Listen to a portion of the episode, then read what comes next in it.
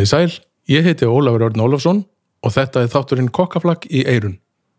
Þessi þáttur er í bóði Ægis Brugghús, þessi þáttur er líki bóði Fastus og svo er hann auðvitað framleitur af hljóðkirkjunni.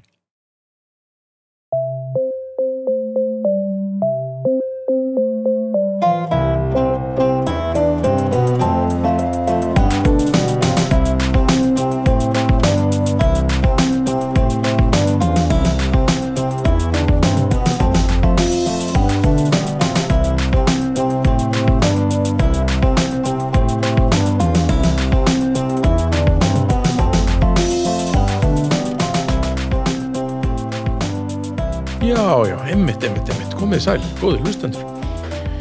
Ég heiti sem sagt Ólafur Örn Ólafsson og er stjórnandi þessa nýja podcast sem að ber hefði gamla nafn Kokkaflakk. Uh, sko, Kokkaflakk kannast kannski einhverjir við sem sjómarstátt sem við byggum til. Ég er sem sagt Scott Productions framleiti fyrir sjómar Símans og við erum búin að gera því tvær serjur þar sem að ég skrepp til útlanda og hitti fólk sem er einhvað fast við mat og spjalla bara við það um lífið og, og, og, og mat og svona bara hvað það er að fást við. En sko núna um þessar myndir þá er erfitt að búa til ferðaþætti vegna þess að ferðalög hafa lagst, lagst ferðalög hafa lagst alveg af sko út á dollu. Þannig að meðan að kokkaflaks sjónvastátturinn liggur í dvala þá langaði mig til þess að svala minni forvitni og minni aðdeglisíki svolítið með því að búa til þetta podcast sko. Að því mér finnst svo gaman að hitta áhugavert og skemmtilegt fólk og ræða við það um mat sko. Þannig ég fekk leifi hjá símanum og skoti til þess að nota nafnið sem að mér þykir bara orðið doldi væntum á þetta podcast til þess að geta haldið þessu áfram að hitta fólk og spjalla við það Þannig að, já, þannig er, þangað erum við komin, sko. Sko síðan var þetta náttúrulega þannig að, hérna, til þess að, ég kann ekki þetta búið til podcast, sko, ég hef aldrei gert það, ég kann að tala og ég kann að tala við fólk og við stakka mann. Þannig að þá voru góður á dýr og, og þegar ég sá að, hérna, þeir bræður, Baldur og Bibi, voru konu með reglíf yfir allt, öll þau frábæri podcast sem þeir að gera, sem heitir Ljóðkirkjan þegar ég sá það þá hafði ég bara samband við Baldur og spurði hvort ég mætti vera með. Og þeir voru til og hingar yfir komin. Þannig að já og það er ekki síst vegna þess að sko, svona þarf að sánda vel sko og Baldur er greinlega bara séni í því sem hann gerir bara, þannig að ég er mjög mjög mjög gladur og þakkláttur að, að fá að vera með því sko. Hljóðkirkjan, já, það er best að tala um það. Og Hljóðkirkjan er með fjóra þætti fyrir utan hérna, utan alltaf núna kokkaflæki 15 þáttinn það eru draugar fortíðar domstagur bestaf platan og svo snæpjur tala við fólk. En til að tekja á því og lustiði á allt sko. Fyrsti gesturinn í, sagt, fyrsta spjallið, fyrsti gesturinn minn í þessu ævintýri ævintýri mínu er Sonja Grant. Sonja Grant er, er gömulu vinkonu mín, við erum búin að þekkjast bara síðan við vorum unglingar. Þannig að hérna, við erum búin að þekkjast mjög lengi, það er langt síðan ég var unglingur. Og ég fekk hana í heimsótt til mín á vinstúkuna um daginn og við settumst í, í bakhúsið og spjöllum saman um, um bara allt og þetta er mjög skemmtilegt spjall. Sko, þeir, fyrir þá sem ekki fyrir ykkur sem ekki þekkið Sonju þá ættu við náttúrulega að þekkja Sonju vegna þess að Sonja er sko ógrind kaffi drottning Íslands.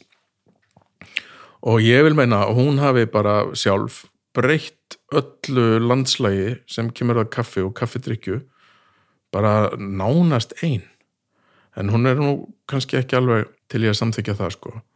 En að minnst okkarsti er hún mjög, mjög mikill áhrifavaldur að þegar það kemur að kaffi og kaffihúsum á Íslandi. Og hún er ekki bara í farabróti hér á landi heldur er hún sko í, í farabróti líka í alþjóðlegu starfi kaffifólks, bæði kaffi barþjóna og kaffi brennslna og hefur á síðustu árum eitt bara bróðurpartið tíma síns eða ferðast um allan heiminn og bóða fagnar erindi kaffis og við komum inn á það eins í viðtalinu hvað hann er að gera í því sko. Hún er nú reyndar ekki sko típan sem er mikið að blása í eigin lúður þannig að ég ætla bara að gera það og ég ætla bara að segja að Sonja sé bara að voru algjör snillingur þessi kona. Sko, ég held að sé valla til það land í heiminum sem á annabór tekur kaffigerð alvarlega það sem að er ekki, hún er ekki bara þú veist, hún er bara þekkt í ákveðnum kreslum, kresum, það er bara fólk sem veit hver hún er. Og hún hefur komið að því að búa til kaffinámskeið og dæma keppnir og, og móta kaffikultúr bara um allan heim. Ég er sem sagt bauð Sonju að koma til mín á vinstokuna tíu sopa í spjall um kaffi. Og það er sem sagt bara tilbúið hérna í eirun og þér. Fyrsti þáttur að kokkaflakki í eirun Sonja Grant, gjör þið svo vel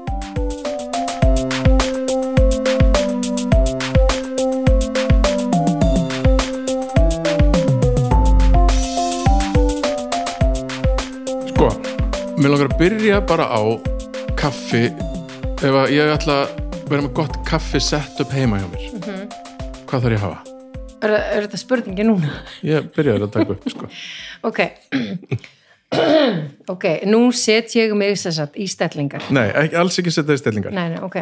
Já, ef, ef þú ætlar að hafa gott sett upp heima fyrir, þá það sem að mér finnst að vera aðalmáli er að hafa kvörn. Já, góða Ég- kaffi kvörn Já, bara ég hugsa að kvörn, kaffi kvörn er bara það sem að allir eiga að hafa á sínu heimili eins og að hafa góðan pott eða góða pönnu, þú veist, þá er góð kaffi kvörn, svona svolítið hérna, opnar fyrir manni ymsa möguleika. Og þegar þú komið góða kaffi kvörn, þá náttúrulega getur þú gert hvað sem þú vilt í samtöku kaffi. Nema náttúrulega það er stundum erfitt að vera með sömu kvörn uh, fyrir alla filter uppáhellingarnar, þú veist, VAF 60 og KMX og það allt saman, og fyrir espresso þannig að þú raunni þyrftur að hafa sér kvörn fyrir espresso Þannig að ef ég er með mikinn nördaskap í kaffi heima hjá mér þá þurf ég að vera með tvær kvarnir að segja það. Ég myndi í rauninni mæla með því, já. Mm. Af því að hérna uh, kvörnin sem að er uh, eins og fyrir filter, uh, þá getur þú verið kannski með kemex, það sem þú þarfst að hafa einn svona grófara mala kaffi eða, eða pressukunnu. Svo ertu kannski með uh, aeropress og þá þarfst að hafa fýtna kaffi, til dæmis. En svo ef þú ert með góða espressovél, þá þarfst að hafa svo rosalega fínt malað kaffið að svona filter kvörn myndi kannski ekki vera málið fyrir það. Einhver sagði mér að maður ætti ekki að vera með espresso vel heima á sér, maður ætti bara að fara á kaffihús og fara Já, nákvæmlega. Það er bara það sem að við erum öll einhvern veginn sem erum í, erum í bronsanum. Við segjum að þú veist, af hverju þetta hérna, vera með einhverja svona espressovel heima hér. Af hverju fer ekki bara á kaffihús og lætur fagmann um að búa til espressoin fyrir þig og ert bara með góða uppáhallingar aðferð heima. Af því það er líka þessu saman. Meina, Nærðu einhver tíma búið til jafn gott espresso heima þér eins og getur gert í, á kaffihúsi? ef þú átt náttúrulega, þú veist, vélakost sem að er, þú veist, upp á einhverja 1,2 miljónir, þú veist, það sem úrt með einhvern svona, ef þú ert með yðnar kaffi vélar heima hjá Já, þér, getur þá vissulega get, getur það. En ég menn, ekkert heimili er kannski endilega að fara þangað, Nei, þú veist. Það er bara ekki pláss hjá mér sko, annars var ég þar. Nei, einmitt, það, það er, ég menna að þú ert náttúrulega að hafa kitchenette, hérna, hrærivelina. Ég hafa ekki eins og kitchenit hrærivél. Ég hafa ekki eins og hrærivél. Ég hafa gamla Kenwood-vél sem að hérna brotnaði og hún er bara upp á skáp og búin að vera brotin í örgulega svona 5-6 ár og ég bara á ekki hrærivél. Rjóma þetta í höndunum. Kökudeg, höndunum. Ok, Hrærivél, ofmetið. Ok, Óli, við erum sko ég gömul þannig að ég, ég menna ég er með þér í liði sko, ég er bara með svona þú veist, eh, hérna svona gamaldags hérna, aðferði við bæði í eldhúsinu og já og, En sko, hvernig vel ég kaffið? Kemur bara til þín? Nei, svona, þú veist, ef að ég bara er, hérna, gefum okkur að ég sé bara, veit ég ekkert. Mm Mér langi bara til þess að drekka gott kaffi. Ég smakkaði einu sinni ógislega gott kaffi, og bara, ó, þetta er gott, mér langar að kunna búti svona. Hva, hvernig, þú veist, hvað get ég bara að fara í bónus og fundið eitthvað næst kaffið það? þú getur náttúrulega gert það eða þú getur til dæmis komið til svona fagfólks og kannski átt samtalið, að því ég held að samtalið sé svona það sem að hérna okkur vantar stundum, þú veist eins og ok, þú hefur aldrei drukkið kaffi en þið langar til að drekka gott kaffi. Þetta er eins og að fara, þið langar að borða gott kjött og, þú veist, og ég menna hvernig velur það skilur, þannig að þú ert aðeins að hérna, vinna fyrir því mm áður þú kemst á endapunktin og til dæmis ef þú kemur til mín þá myndi ég fyrst og fremst hérna, reyna að granslast fyrir um hver í hvað fílingu þú værir. Til dæmis hérna hvers konar bræðalöka ég myndi til dæmis að vera hérna, Já, já. ég myndi spyrja það pínu, ok, hvernig brauð ertu að borða, þú veist, hvernig e, drekkur vín, ég meina hvernig vín ertu að drekka? Þú veist, og þannig ég myndi pínlítið reyna að hérna, finna út í hver hvaða bragð upplifun þú vilt. Ertu að segjast eftir? Já, í kaffi? Einmitt, og líka bara, ok, hérna, hvað borðaru, þú veist, bara í matinn, þú veist, að því að matselt gefur mér, þú veist, til dæmis, ef þú borða bara, ef þú ert með hambúrgara og sagt, í hvert mál, þá var það einfaldara fyrir mig, þú veist, að ákveða hvers konar kaffi þú getur verið, hérna, myndi hafa áhuga á, en ef þú væri til dæmis eitthvað svona alltaf að gera einhver tilraunir, þá myndi það segja mér að þú hefur svona áhuga á því að, að uh, skoða mismunandi hérna vinsluaðferðir á kaffi til dæmis sem að, sem að gefa þér öðruvísi bragð eiginleika í botlan og allar þessar spurningar þá myndi ég kannski draga álöktun af samtalinu við þig og geta sagt ok, ég held að ég sé með þetta mm. þannig að hérna, ég myndi byrja á þessu hér og þá myndi ég mæla kannski með einhverju þve, þveginni Kólumbíu eða þveginni hérna, Guatemala kaffi Hvað mennum þvegið? Hvað? það er sagt vinslu aðferðin á kaffinu þá, og hérna erum við komið þangað, erum við að tala um vinslu hérna, Við bara tölum um það sem við þurfum að tala um og núna þurfum við að tala um vinslu aðferð á kaffi og þá er það bara vonandi er einhver þarna sem finnst gaman að hlusta, ég er alveg viss um það. Vegna Já. þess að vinslu aðferð á kaffi er eitthvað sem að fólk almennt kannski veit ekki endilega neitt mikið um nei, en ætti kannski að vita tölvöld meira um til þess einmitt að geta fattað að kaffi er ekki bara kaffi. Nei, einmitt, nákvæmlega. Og það, það, það er svo margt sem að kemur í ok, þegar kaffið er á kaffitrénu sem sagt, kaffið er e, fræ innan í beri og þegar það er fullþroska á kaffitrénu, þá er það fullkomið. Þú veist, það bara það getur ekki orðið betra, þú veist, frá náttúrunar hendi, svo tínu við mannfólkið mm. E, berið og tökum fræin innan úr ávöxtunum og það eru kaffibönirnar Það eru kaffibönnar, fræin eru svona oft bara hérna tvær, tvö fræ innan í einum ávexti og það eru Hvað er gert kaffibönnar. við ávöxtin?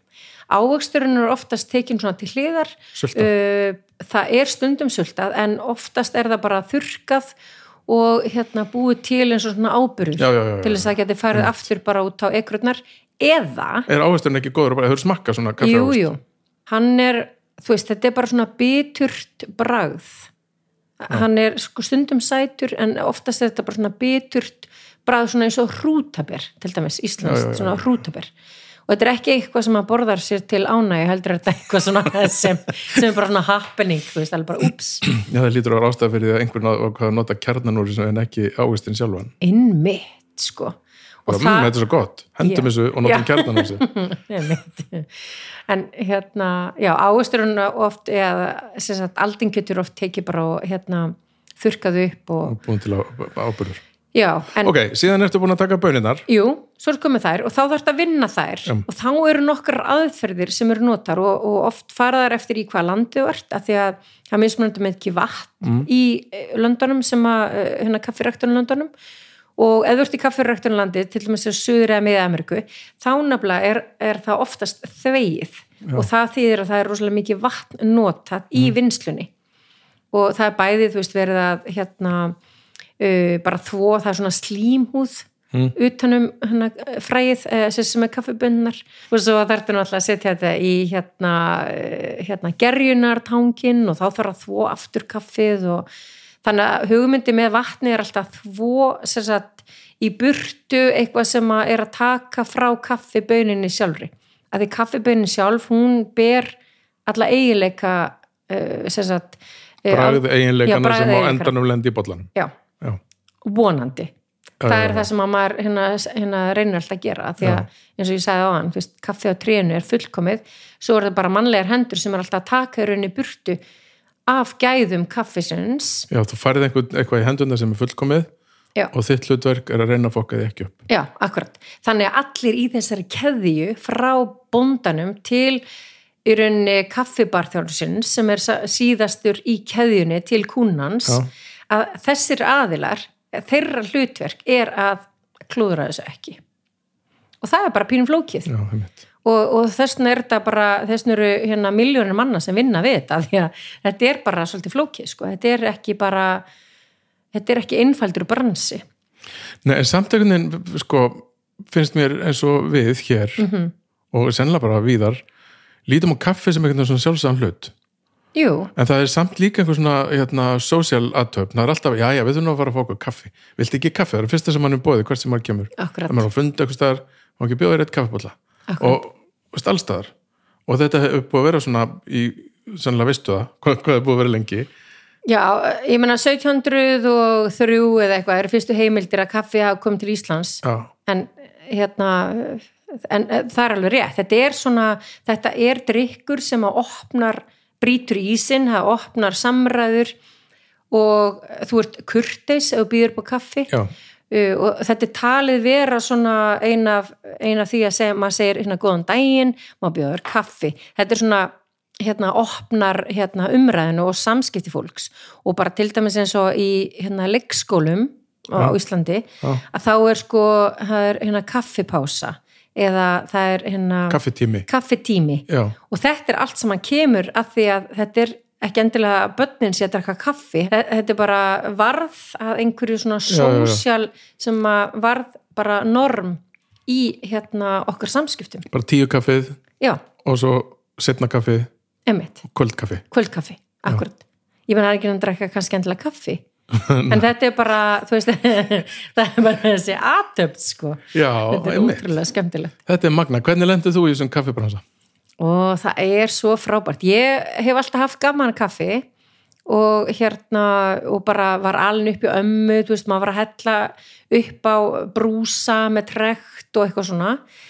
Og, uh, og þannig að þetta hefur alltaf Sem að núna aftur er orðið voða mikið Trendy. já, trendy. Slow pour Já, einmitt, bara mörgum, mörg, ég ætla ekki að segja mörg hundra árum setna, af því að við erum ekki það gummul, en, en allavega, ég menna þegar maður pínu lítill nokkir bara í sveitinni, þá var amma bara, ok, vatnið er svoðið, bara vinsanlegast farið og helli upp og þá var maður bara, með, það reyndir ekki svona fallegur stútur á kallinum, Nei. eins og er í dag, þannig að maður stjórnaði ekki alveg flæðinu, þegar maður var að hella upp á en maður var bara með svona stóran, svona stóran stút og, og heldi vel yfir hérna þurrt kaffi og, og, og, bara kaffi indislegt og ástæðan fyrir þessu, amma staði alltaf kaffi er svo heitt og gott þegar það er svona.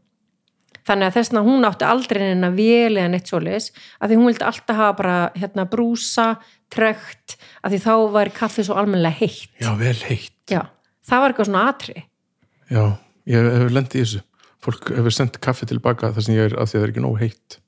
já, Ég skilði það ekki. Ég þóla ekki of heitt kaffi. Nei. Ef, ef ég til dæmis fer á staði sem er ekki hægt að fá neitt nema americano, já, þá kemur alltaf svo ógeðslega heitt það að ég hef búin að læra þetta. Hef tricks, þetta er brótip. ok, Byttum klaka. no Eitt klaka úti, búm, miklu betur kaffi. já, ok En ok, ma, ha, það þarf þá að vera klakki, það má ekki vera svona slös nei, nei, klaki. nei, nei, já, já, já, einmitt já, þetta er nefnilega svolítið svona, þetta er hérna sérstakt, sko, en þetta er það sem að maður er alin uppið, Já, mannst þetta er fyrsta kaffiballan, hvernig smakkar kaffi já fyrst? ég er nefnilega man eftir honum og hérna ég veit ekki hvort það sé hérna viðeigandi að segja en, en allavega þá Það er enginn að fara að hlusta á þetta. sko. Nei, nákvæmlega. Þannig ég var í fermingaveislu hjá frængu minni og hún var, uh, ég hef verið svona kannski 7, 8, 9 ára og ég horfið svona yfir salin og uh, sérst að ég er alin upp á svona hestafólki þannig að hérna, það var mjög sjálfgætt að vera að fara einhver svona veislur maður ætti alltaf að fara í bað og klæði sig upp og til að fara einhver svona, svona veislur og við vorum að fara í þess að fermingaveislu hjá frængu minni og ég sé að það er allir allt fullanna fólkið með hennar kaffibotla Mhm. og halda allir svona eh, mjög, mjög svona kurteislega á undirskálinni Já. Og svo eru þeir að dreipa á. Og þetta voru bara pottet svona mánaðarbotlar eins og maður sér í, Já, já, bara já, í góða hyrðinum Mjög fallegir. mjög fallegir, mjög fallegir. Svona þunnir postulinsbotlar. já, emmitt og ég hugsaði bara ok, þetta er eitthvað svona sem maður þarf kannski eitthvað að pröfa. Þannig að ég lættist í það að, á hérna veisluborðinu þar sem að hérna, þar sem að smurbröðstörtan var Mhm. þú veist, með majónesinu og þá, og ég bara fekk mér kaffi og, og svo bara seti svolítið mikið að mjólk og svolítið mikið að sigri og vegna þess að það var eitthvað það sem að mér langaði ekki endilega í svart kaffi á þeim tíma, þú veist, maður er svona lítill og finnst bara sigur óslega góður og mjölk óslega góð og allt það. Og ég fekk mér sopa og ég guppaði Nei, jú, og ég var forveik Í, ég veit það, í fermingastu frængu minnar. Það er potið fyrir majónisið bótt sko, en þetta var bara mesti viðbjör sem ég hef smakkað á æfinni En ég- samt sagður áðan að þú hefur alltaf verið svo hrifin á þessu. Já, einmitt, þarna er ég sko 7 til 8 ára, okay. skilur Já, og þá uppgötaði ég að ég ætti erfitt með að hafa mjólk í kaffinu og sigur í kaffinu. Og ég held bara síðan þá þá, sko, ef ég þarf ekki að hafa mjólk og ef ég þarf ekki að hafa sigur í, í kaffi þá bara drekki alltaf svart af því að mér þykir svart kaffi unaður. Og það er ekki að því að ég var svo hress að kaffi heldur það bara því að svo brjálaslega margir bragð laukar eða bragð hérna eiginleikar Já, í, í hérna í kaffinu sjálfu sem að er ekki að því að um leið og setjum mjölk út í þá ertu strax hérna komið með aðra bragð eiginleika svo er komið sigur, ertu strax komið aðra bragð eiginleika en kaffið eitt og sér það er bara stundum bara brjálaslega flókið. Og hérna það er mjög gott að hérna skilgreina það alltaf fyrst áður maður fyrir að setja mjölk og sigur út í. bland ekkur út í það. Já, bara að því að þetta er afurðin fyrst, Já, og um leið og þú setur fytu út í einhvað þá breytist hérna, struktúrin á því Jú, nákvæmlega. Ef við förum í einhver, ég kann ekki efnafræðina en það er vantarlega breytist einhvað mólekular struktúrin á því að þú setur fytu sem að mjólkin er. Jú, emitt einmitt, áhugavert. þetta er mjög skemmtilegt sko. En ok, og síðan hérna, hvernig, já, við förum bökkum aðeins, Hva- hérna, hvernig lendir þú í þessum kaffabræðum? já. Er það að segja við höfum aðeins farið út af hérna, já, já, já, já, já. hvernig lendi ég í kaffinu, ok.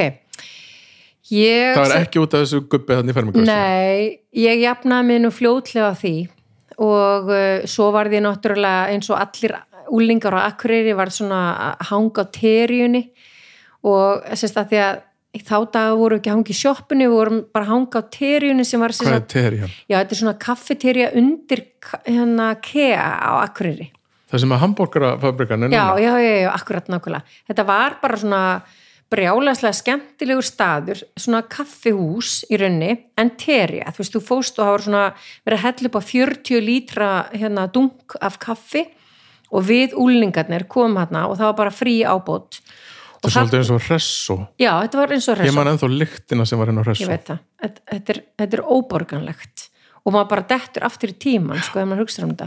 Og þarna var maður að skrifa ljóðinn og það? Varstu... já, já, skrifa alls konar ljóð mann skeftir hérna var svona frasi eða þú veist, það var alltaf svona war þú veist hérna, hérna love, not war make love not war. Já. Já.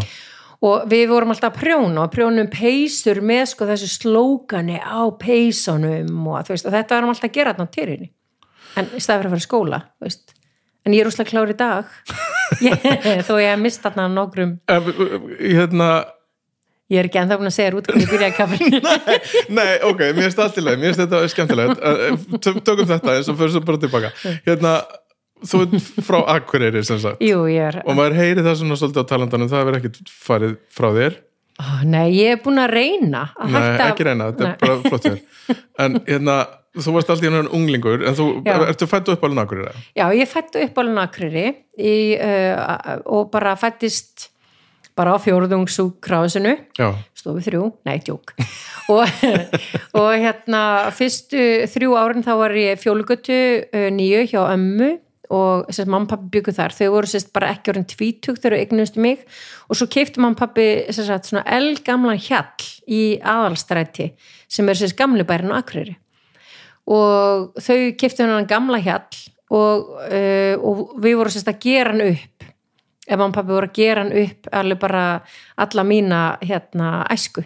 Þannig að Þannig að hverju þú bjóst bara í, í eldgömlu húsi, bara 130 ára gömlu húsi. Nei, það sem ég ætla að reyna að finna er orðið yfir sko, hérna, construction site, þú bjóst bara það var alltaf verið að laga. Það var alltaf verið að laga. Já. og það var bara geggja og ég meina, ég náttúrulega bara er að þeirri kynslu það sem að pappi hann var búin að eyða svo miklum tíma að gera að því að það voru tvær stofur sko, það var fínastofan og bara sjónvarstofan sjónvarstofan var hérna svo sem við máttum vera í en fínastofan var bara þegar voru gestir. Já, og það var náttúrulega lastinn í hana að því að, jú, af því það var svo rosalega svona. fínt. Ég vildi óska þess að þetta var svona heim með mér. Já, ég menna, þú veist ég hef oft verið að pæla í þessu en þetta meika alveg sens að þegar við vorum ég, svo bróðu minn hann sko fjórum árum hérna, yngri en ég, við vorum alltaf bara algjörði barbar, skilur vorum bara úti að spila fótbolta og syndi sjónum og svo bara koma inn og fara inn í stofi ég menna það, það var bara gott að stofan var bara hérna einmitt. læst að því að finna fína parket sko, máttu náttúrulega ekki lapp á því þurftu bara að þurrka á því alltaf. Það var í þá daga sem að parket var hugsað sem það var, þetta var svo fallegt. Já, já. það mátti eiginlega ekki nota þetta því þetta var svo rosalega fallegt. Já, ég bara misti þetta frábært. Ég í þetta Ok, þannig að þú býr þarna í, á aðastrætinu Já. og elst þar upp já, elst upp Gengur í þar skóla, akkur er varstu duglega í skóla já, ég var í barnaskóla Íslands sem er náttúrulega bara hérna Hérna bara það, barnaskóli Nei, Íslands þetta er sko brandri frá Ingimar, Ingimar Eidal og vegna þess að hann hérna Ég ætla að fara að segja, shit hvað þetta er dæmigerur akkurískur Já, flokki ummitt.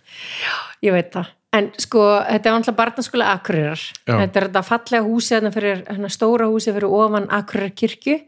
Ótrúlega skemmtilegu staður og bara, þú veist, remleikar á efstuhæðinni og það sem við vorum alltaf í söngtímum og það allt saman. En einhver tíman þá var hérna Ingimar Eidal óksla fyndin og hann svaraði síman á hérna kennarskristofunni og hann sagði barnaskóli Íslands góðan daginn og síðan þá ég meina tölum við alltaf bara um þetta þessi barnaskóli Íslands að því ákveðist að.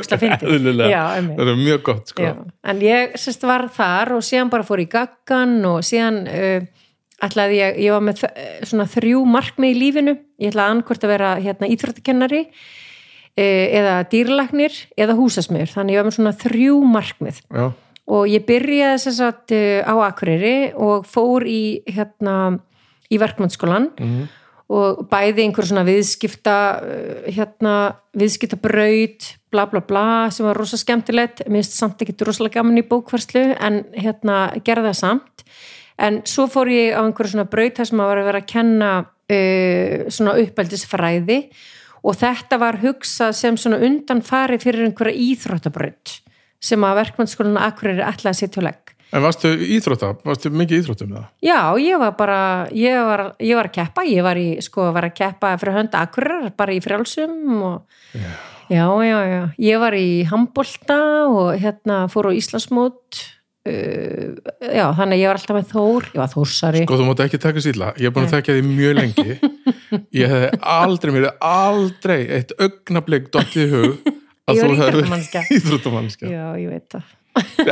Bara, hérna, með allri virðingu fyrir öllum og öllu. Já, ég var, ég var rosalit íþróttanörd, alveg bara þanga til, myndi ég segja bara svona 94, bara þegar ég er að byrja í kaffi. Já, þá hætti ég, þú veist, að því ég var að spila hérna með KR, ég var hérna þannig að eins og Akureyri þá ertu alltaf í handbolt á veturnar og Já, fótbolt á sumrin og hérna, svo er ég náttúrulega ísokki og hérna og svo í frjálsum þannig að hlaupa ég, ég, hlýp, ég hleyp sko þanga til í guppa þannig ég er alveg fræg fyrir það. Ég, gerur ennþá það? ég gerði það ekki í dag Nei. sko. Þannig að ég, hérna, ég lappa í dag Já. hægar, já. En ég er sko, ég, ég var fræg á Akureyri vegna þess að verkmennskólinn og mentaskólinn voru alltaf að keppa saman, þú veist það er þessi tveir mentaskólar á Akureyri. Kefa móti hverju öðru já og það var alltaf þetta svo kallega kvítasunnu hlaup. Og ég var sérst að keppa, þá var ég reyndar gagganum bara, þá var ég bara 14 ára eða eitthvað, en við fengum að keppa, við fengum að hlaupa með verkmennskólinum sem að þá hétt hérna yðskólinn eða eitthvað á Akureyri. Og ég kefti og var að keppa með einhverja hérna bara, þú veist, fólk sem var í íþróttum. Og ég var bara í þóssaragallanum að því hafði aldrei hlaupi á æfin, ég var bara æfði handbolta og svo er ég bara í hestunum. Og hérna, en ég hugsa bara, já, það er bara örugglega sniðugt að hlaupa þetta, þetta er ekki bara fjóri kílómetrar, þetta er ekki neitt, sko, þetta er bara eins og það er maður í göngunum. Og ég hleyp og hérna, og það var alltaf einhver stelpa fyrir aftan mig. Og ég kom síðan á því, að því síðar að hún var sérst, hérna, Íslandsmeistari í einhver svona langklöpi miklu eldri en ég. Og ég bara, þá kom einhver keppni einhver gæl alltaf fyrir aftan mig eitthvað að hlaupa. Svo mamma bara hún, við áttum svona mustang og þetta var á drottningabrautinni og hérna, sérst, frá uh, Akuraflugulli inn í miðbæ og inn í miðbæ hjá borgasölinni, þar var sérst, hérna endastöðin og mamma var að keira við hliðina á mér. Sonja mín, er ekki allt í lagi, er ekki allt í lagi? Af því að ég var alltaf bara einhver, þú veist 12, 13, 14 ára úlingur Fyrst, já, fyrst, fyrst. já, að Já. konunum sko, Já, það var alltaf, fullar fólk að keppa. Og hérna, já, en svo bara, eh, ég bara mömmu að fara sko, að því minnst eitthvað óþæld að hafa móði mína á keirandi á bíl við hliðina mér, þetta var mjög sammála, mjög vandræðilegt mjög vandrarlegt sko. Og svo bara ég man ekkert eftir því þegar maður kemur hérna upp frá bautanum og inn göngugötun og akureyri og endarstöðin var hérna hjá landsbóngunum eða borgarsölni og ég man ekkert eftir því hérna þeim tíma vegna þess að ég var potið til blakkoti að því að gæla var bara fyrir aftar mig og ég var bara staðræni því að hún myndi ekki vinna mig. Svo kem ég fyrst í mark og, og það sem ég geri náttúrulega er að guppa á hérna fætunar á tryggva gísla sinni hérna skóla mistra mentaskóla akkurar og hérna og fyrir það hérna þakkaði Bernhard hérna skólamestari í verkmennskóla mér vekk viðkenningu sko hjá honum fyrir að að- guppa á skóna tryggva gísla en svona var þetta nú hérna í gamla daga sko þegar maður var í frjálsum sko. Þannig að það keppniskapið er. Já, ég hérna, ég var alltaf að keppa á hestum og það var pyrrandi að vera alltaf vinningshafi sko, alltaf að vinna og alltaf nummer eitt og þetta var orðið svona pínum pyrrandi sko. Þess vegna náttúrulega, það hendar mér mjög vel að vera í einhverju svona keppni, en ég hætti í raunni, ég hætti svona já, 94-95 að vera að keppa. Þannig að ég setti orkuna í eitthvað annað þú veist, meira þú veist í að hérna, að skapa eitthvað og hætta þessu ruggli að þú veist að æla bara að hlaupangl maður ælir. Það er ekki kannski endilega það sem maður á að gera. En ég er mjög svona ég er uh, ég hef, hef það, ég, þetta er svona ákveða metnaður sko. Ok, þá getum við komið að hvernig þú komst í kaffið. Af því við erum komin eiginlega sennilega bara næstu að 94 við skulum við getum geimt unglingsárinu þar sem að við kynntumst. Já, emmitt, það er sumt af því er ekki, er ekki gott fyrir svona miðla sem að fólk er að Jú, hlusta. ég held að það væri ógeðslega gaman. Jú, tökum það bara, tökum það bara núna. Ok, Þú komst til Reykjavíkur frá Akureyri. Já, 1987 Já. Mhm. Af hverju? Uh, þá var ég sko bara, já, alli, já ég var hann í kringum 17 ára og ég var bara búin að ákveða það að Akureyri væri bara, þetta væri bara búið veist, ég bara hérna geggjaður staður og ok, ég er náttúrulega kannski pínu eh, þú veist, þetta að búa með fóreldrum sínum og þú veist, þetta þú veist, uh, ég menna, ég þurfti bara aðeins hérna að verða sjálfstæð. Ég held að þetta hafi raunin tengst því.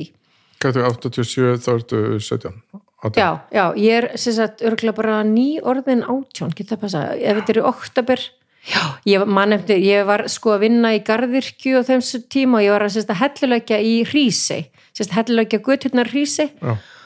og ég man bara þá var þetta bara svona ok, ég held að sé bara komin tím til fyrir mig að hérna fara að breyta til og hugsalega kannski bara hérna taka hatt minn og, og póka og fara bara til borgarinnar og ég held að og þá og vinkora mín einn var hrefna vinkora mín, hún var komin til Reykjavíkur og hún sagði, þú kemur þá bara hérna þá getur við fengið, þú getur fengið vinna á Hótur Holti. Ég, og þá var hún þerna á Hótur Holti. Og ég Ógeðslega bara, smart. ógislega, við vorum í uniformi. Við erum að tala um í uniformi. Og það bara geggja. Og ég bara, herðu, já við komum, en málið er það að hún sagði mig, við megum ekki verið með varalit. Og ég bara, nei.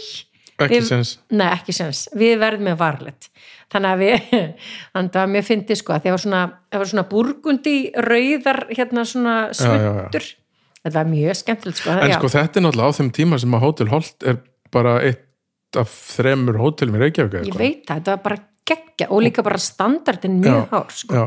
Og skúlinu alltaf stjórna þessu og hérna og kokkarnir, bara kokkanemarnir við vorum alltaf, ég var alltaf mikið ég og hrefnavinkona, við vorum sagt, svona yngstu sem vorum að vinna á, sérst, á þörn, að þörnunum.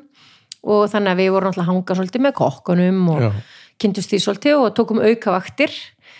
Uh, þar sem að ok, launin í þessum bransan alltaf kannski ekki brjálæslega há en hérna þannig að við tókum aukavaktir á þingkoltunum á þingkoltinu, þar sem að veislan var, já, þjónustan var alltaf og fyrir mig var þetta bara að fá að þurka af málverkunum og það var algjör snild þú veist, við hérna einhverju pöngar frá Akureyri og bara að fá að sjá málverkin veist, sem að voru þarna eh, ég menna sem að Þorvaldur síld og fisk átti sko. Þetta er Þetta ennþá, var- þetta er er þetta ennþá? Já, já. Má ég ekki farið í svo langan tíma Það er bara hótelið er al- ennþá alveg fullt af hérna, sko, klassikarum Þetta er svo fallegt Mhm. sko.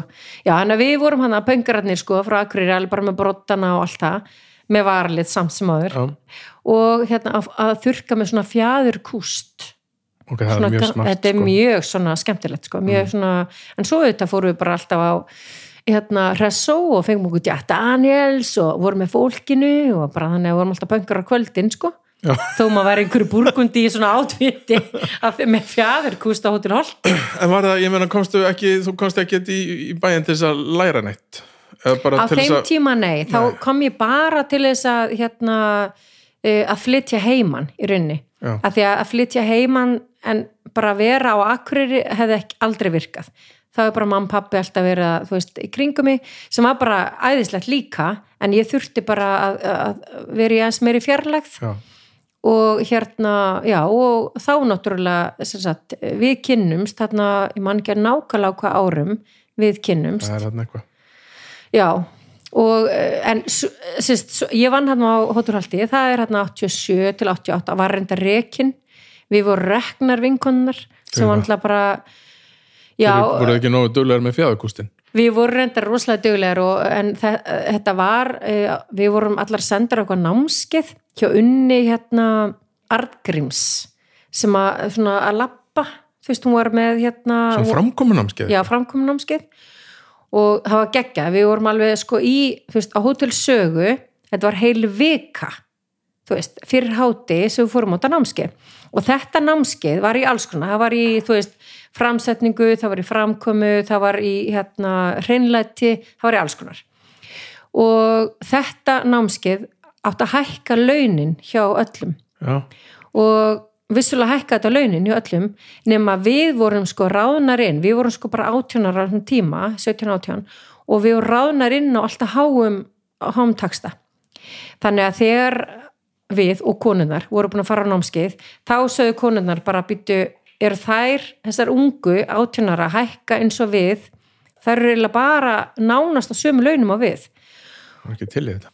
Já, þetta var pínu svona hérna, og þetta voru mistök af skrifstofunni. En ég menna, við sem átjónar tókum ekki eftir þessu að þetta voru kosmið svo ókslega léli laun, þannig að við tókum ekki svona eftir að við vorum á of háum launum. Það kvarla ekki að okkur. Er þetta einu skemmt sem var rökina?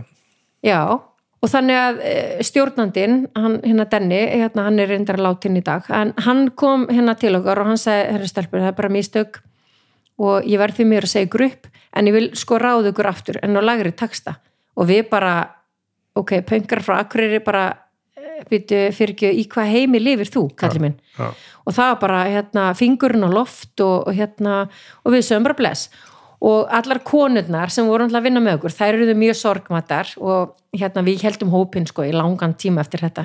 En þetta var mjög sorglegt en við bara gátum ekki látið bjóða okkur þetta. Og þá fór ég í hérna nám, vinkora mín fór í nám líka og ég fór í yðskólinn Reykjavík og lærði að vera húsasmiður. Þannig að þú ert með húsas með mentun ég er með húsasmiður mentun En sko þessi tíma á holtinu þú, þú, þú, þú veist að því svo ferðu bara í veitingabransan jú, en mitt Sáir hann einhvern fræjum eða, eða þú veist, er það held tekur með þér einhverja reynslu þaðan þegar þú fer svo í, í kaffibransan Já, ég hérna, tek náttúrulega reynsluna uh, sem að ég lærði sem hérna, uh, sko þerna og það er til dæmis bara að þrýfa og umgangast tuskur. já, já. snirtilegt, umgangast tuskur og, Já, hérna, og líka bara þetta að vera skiplagt Veist, eins og þegar maður er bara vinnuskiplag þetta hefur ekki tósað í þig hérna, eins og með sjálfum mig þegar ég byrjaði sem unglingur að vinna á veitingastað það var stemmingin. Það var, hérna, það var, þessi, það var þetta sko þetta brjálæslega adrenalin, adrenalin kick sem að var í gangi í service já, sem að sogaði mig að sér sko. Mér finnst þetta svo skemmtilegt sko. Já það var ekki, það var ekkert verið eitthvað svo leiðis Ég náttúrulega var bara upp á herbyggjunum sko. Já, já, já. Þannig, en það sem að mér fannst aðtiklisvert var sérst að hérna, kynnast uh, gestunum já, og maður vissi alveg bara hann að gaurin í hérna, uh, 305 sko, hann var alltaf hann kom, hann vann hjá Abba hérna, sérst, fyrirtækinu þú veist, uh, það er ekki, það er ekki, Ekki sko, hljómsveitin. ekki hljómsveitin heldur Abba þeir voru að selja síldar og eitthvað svona dótari. Þetta er risastort fyrirtæki. Og hann var alltaf við 305 svo einu sinni var Derrick eða hann að maður sem leik Derrick. Já, já, já, já, já, já, og hérna þannig að eh, maður, mér fannst gaman að kynnast sko og ég held að það hafi sá þessum fræjum Já, að vilja sko kynnast meira uh, mismöndi fólki. Já, og ég held að það hafi svona hent mér pínluti út í þetta að, hérna, að vera í þjónustu til dæmis eins og að reyka kaffihús Mhm. þá ertu með þú veist, þú ert með allan skalan af svona skemmtilegu Mhm. og hérna mismöndi fólki. Það er bara geggjað. En ok, tökum förum hérna aðeins. Þú lærir, lærir að verða húsasmiður og ert með sveinspróf í húsasmiðum þurftur endilega að spyrja um þetta sveinsbjörn ok, þú lærir húsasmiði Já. en ert ekki með sveinspróf í Nei, ég var sko fimm þannig að þú ár gætir smíða hús núna ekkert þessi sko það, þetta er náttúrulega bara síðislega 26 ár Já, já, já. sko en ég menna ég þú hérna, kannt að nota skrúfið og hama já, já, já. ég var í, í fimm ár sem hérna vann í fimm ár í, uh, sem sagt, með náminu sem húsasmiður og hérna og mik mikil tími fór í það, ég var að byggja hérna til dæmis hérna uh, flugskilið í Keflavík, hérna stóra flugskilið sem Æsland er á já, já, já. og þegar ég var þar þá hafði það ekkert með húsasmið að gera því þannig er bara, við erum að tala um einhver svona reistóra slíprokka sem að líti út fyrir að vera sko hjólsægir. Já, og skrúa svo bara saman og einhverjar bara 1100 vatt að skrúvélar og eitthvað svona, þannig að ég var bara að halda vélinu bara mjög hérna, þétt að mér, bara til þess að handlisbrötu mikið. Og þannig að þú veist, það fyrir mér, sko það var best borgaðast að vinna mín sem, sem smiður. Og þarna var ég sjálf með mitt teimi, ég gerði hérna að það var kandist fyrirtæki sem var stjórna þessu. Og fyrirtæki sem ég var að vinna hjá, það fór á hausinn þannig að kandiska fyrirtækið bauð mér að koma sem bara verktaka og ég hérna tók allar kallana með mér. Og þannig að við vorum svona hérna, þrjú, fjögur saman keirðum alltaf á lötu 123 frá Reykjavík, veist, þess að fara í vinnuna í Keflæk og, hérna, og það var rosalega skemmtilegu tíma og ég lærði ógeðslega mikið af því en mér fannst það ekkert að hafa í rauninni þannig sem með sko húsasmið að gera. Og mér finnst þess að það hafi til dæmis verið tíminn sem að ég ákvað hætti að vera húsasmiður. Af því já, að- fyrst bara nóg. Já, vegna þess að ég, ég fór að vera, eða, ég, sést, ég lærði vera húsasmiður að því ég ætla að vera arkitekt. Ég hafði einhver svona draumum að, að, þú veist, að byggja einhver svona hús, einhverja byggingar, en til þess að geta gert það, þá er því að skilja arkitekt, eða skilja húsasmið og hvernig Já. maður setur saman hérna, að þú veist, setur saman allir þessi efni og allt það. og svo bara þegar ég var búin að vera í fimm ári þessu, ég hugsaði bara ok, ég var búin að vera mikið að vinna í gömlum húsum. Ég var til dæmis að vinna í Bjarnaborginni hérna, sem er svona Já, fyrsta fjölbýlshús já, fyrsta, fyrsta fjölbýlshús á Íslandi. Og ég var að vinna þar. Og uh, það var hérna áhugavert verkefni þó svo ég hef kannski ekki verið sammála verktakanum allum tíma en þú veist, ég var alltaf bara lærlingur þar og hérna en þú, hvað gerir þetta í mörg ár? ég var í rauninni fimm ár með náminu í Já. hérna smíði, sko, bara svona mismöndi smiðum, og þá er komið að því sem að við blöðum upp með hérna bara Já. fyrir eiginlega alveg fyrst sko. eiginlega bara fyrir mörgum klukktímum síðan hvernig lendir þú svo í kaffi úr húsasmiði? Já. Hva, hvað gerist? já, um eitt þetta er nefnilega svolítið hallaraslegt eða, eða þú veist, eða hvað segir maður maður lendir alltaf í einhverju svona. Og ég var alltaf þarna í smiðinni og, og þetta var orðið pínu svona, ég var eina konan þú veist, og þetta var alveg bara orðið mjög svona þrúandi og bara kallar og, en mér finnst það gaman sko, ég var alveg að fíla þetta en hérna, það var greinlega ekki að hafa neinn svona sérstaklega góð áhrif á mig. Og kærasti minn á þeim tíma, hann sagði bara finnst þetta vera þess virði, þú veist og svo, hérna, þetta tengist sko, þetta tengist hérna borgarstjórnarkostningum þetta fyrir allt inn í pólitík, sko. Nú. ég er bara að byrja afskunar en hérna, já, það, er, það er áhugavert, hvernig Já. tengist það borgarstjórnum Já, kostningum, erlistu kostningunum já, og þetta er sko forvari þess að ég að mínar, hérna, mínar, hérna uh, forsendur breyttust, er sem sagt ég var að vinna hjá fyrirtæki sem að var sagt þannig að það var sjálfstæðsflokkurinn og svo var, hérna, var samfylkingin hérna ný, nei Reykjavíkurlistin. Já. þetta var svona nýtt sko.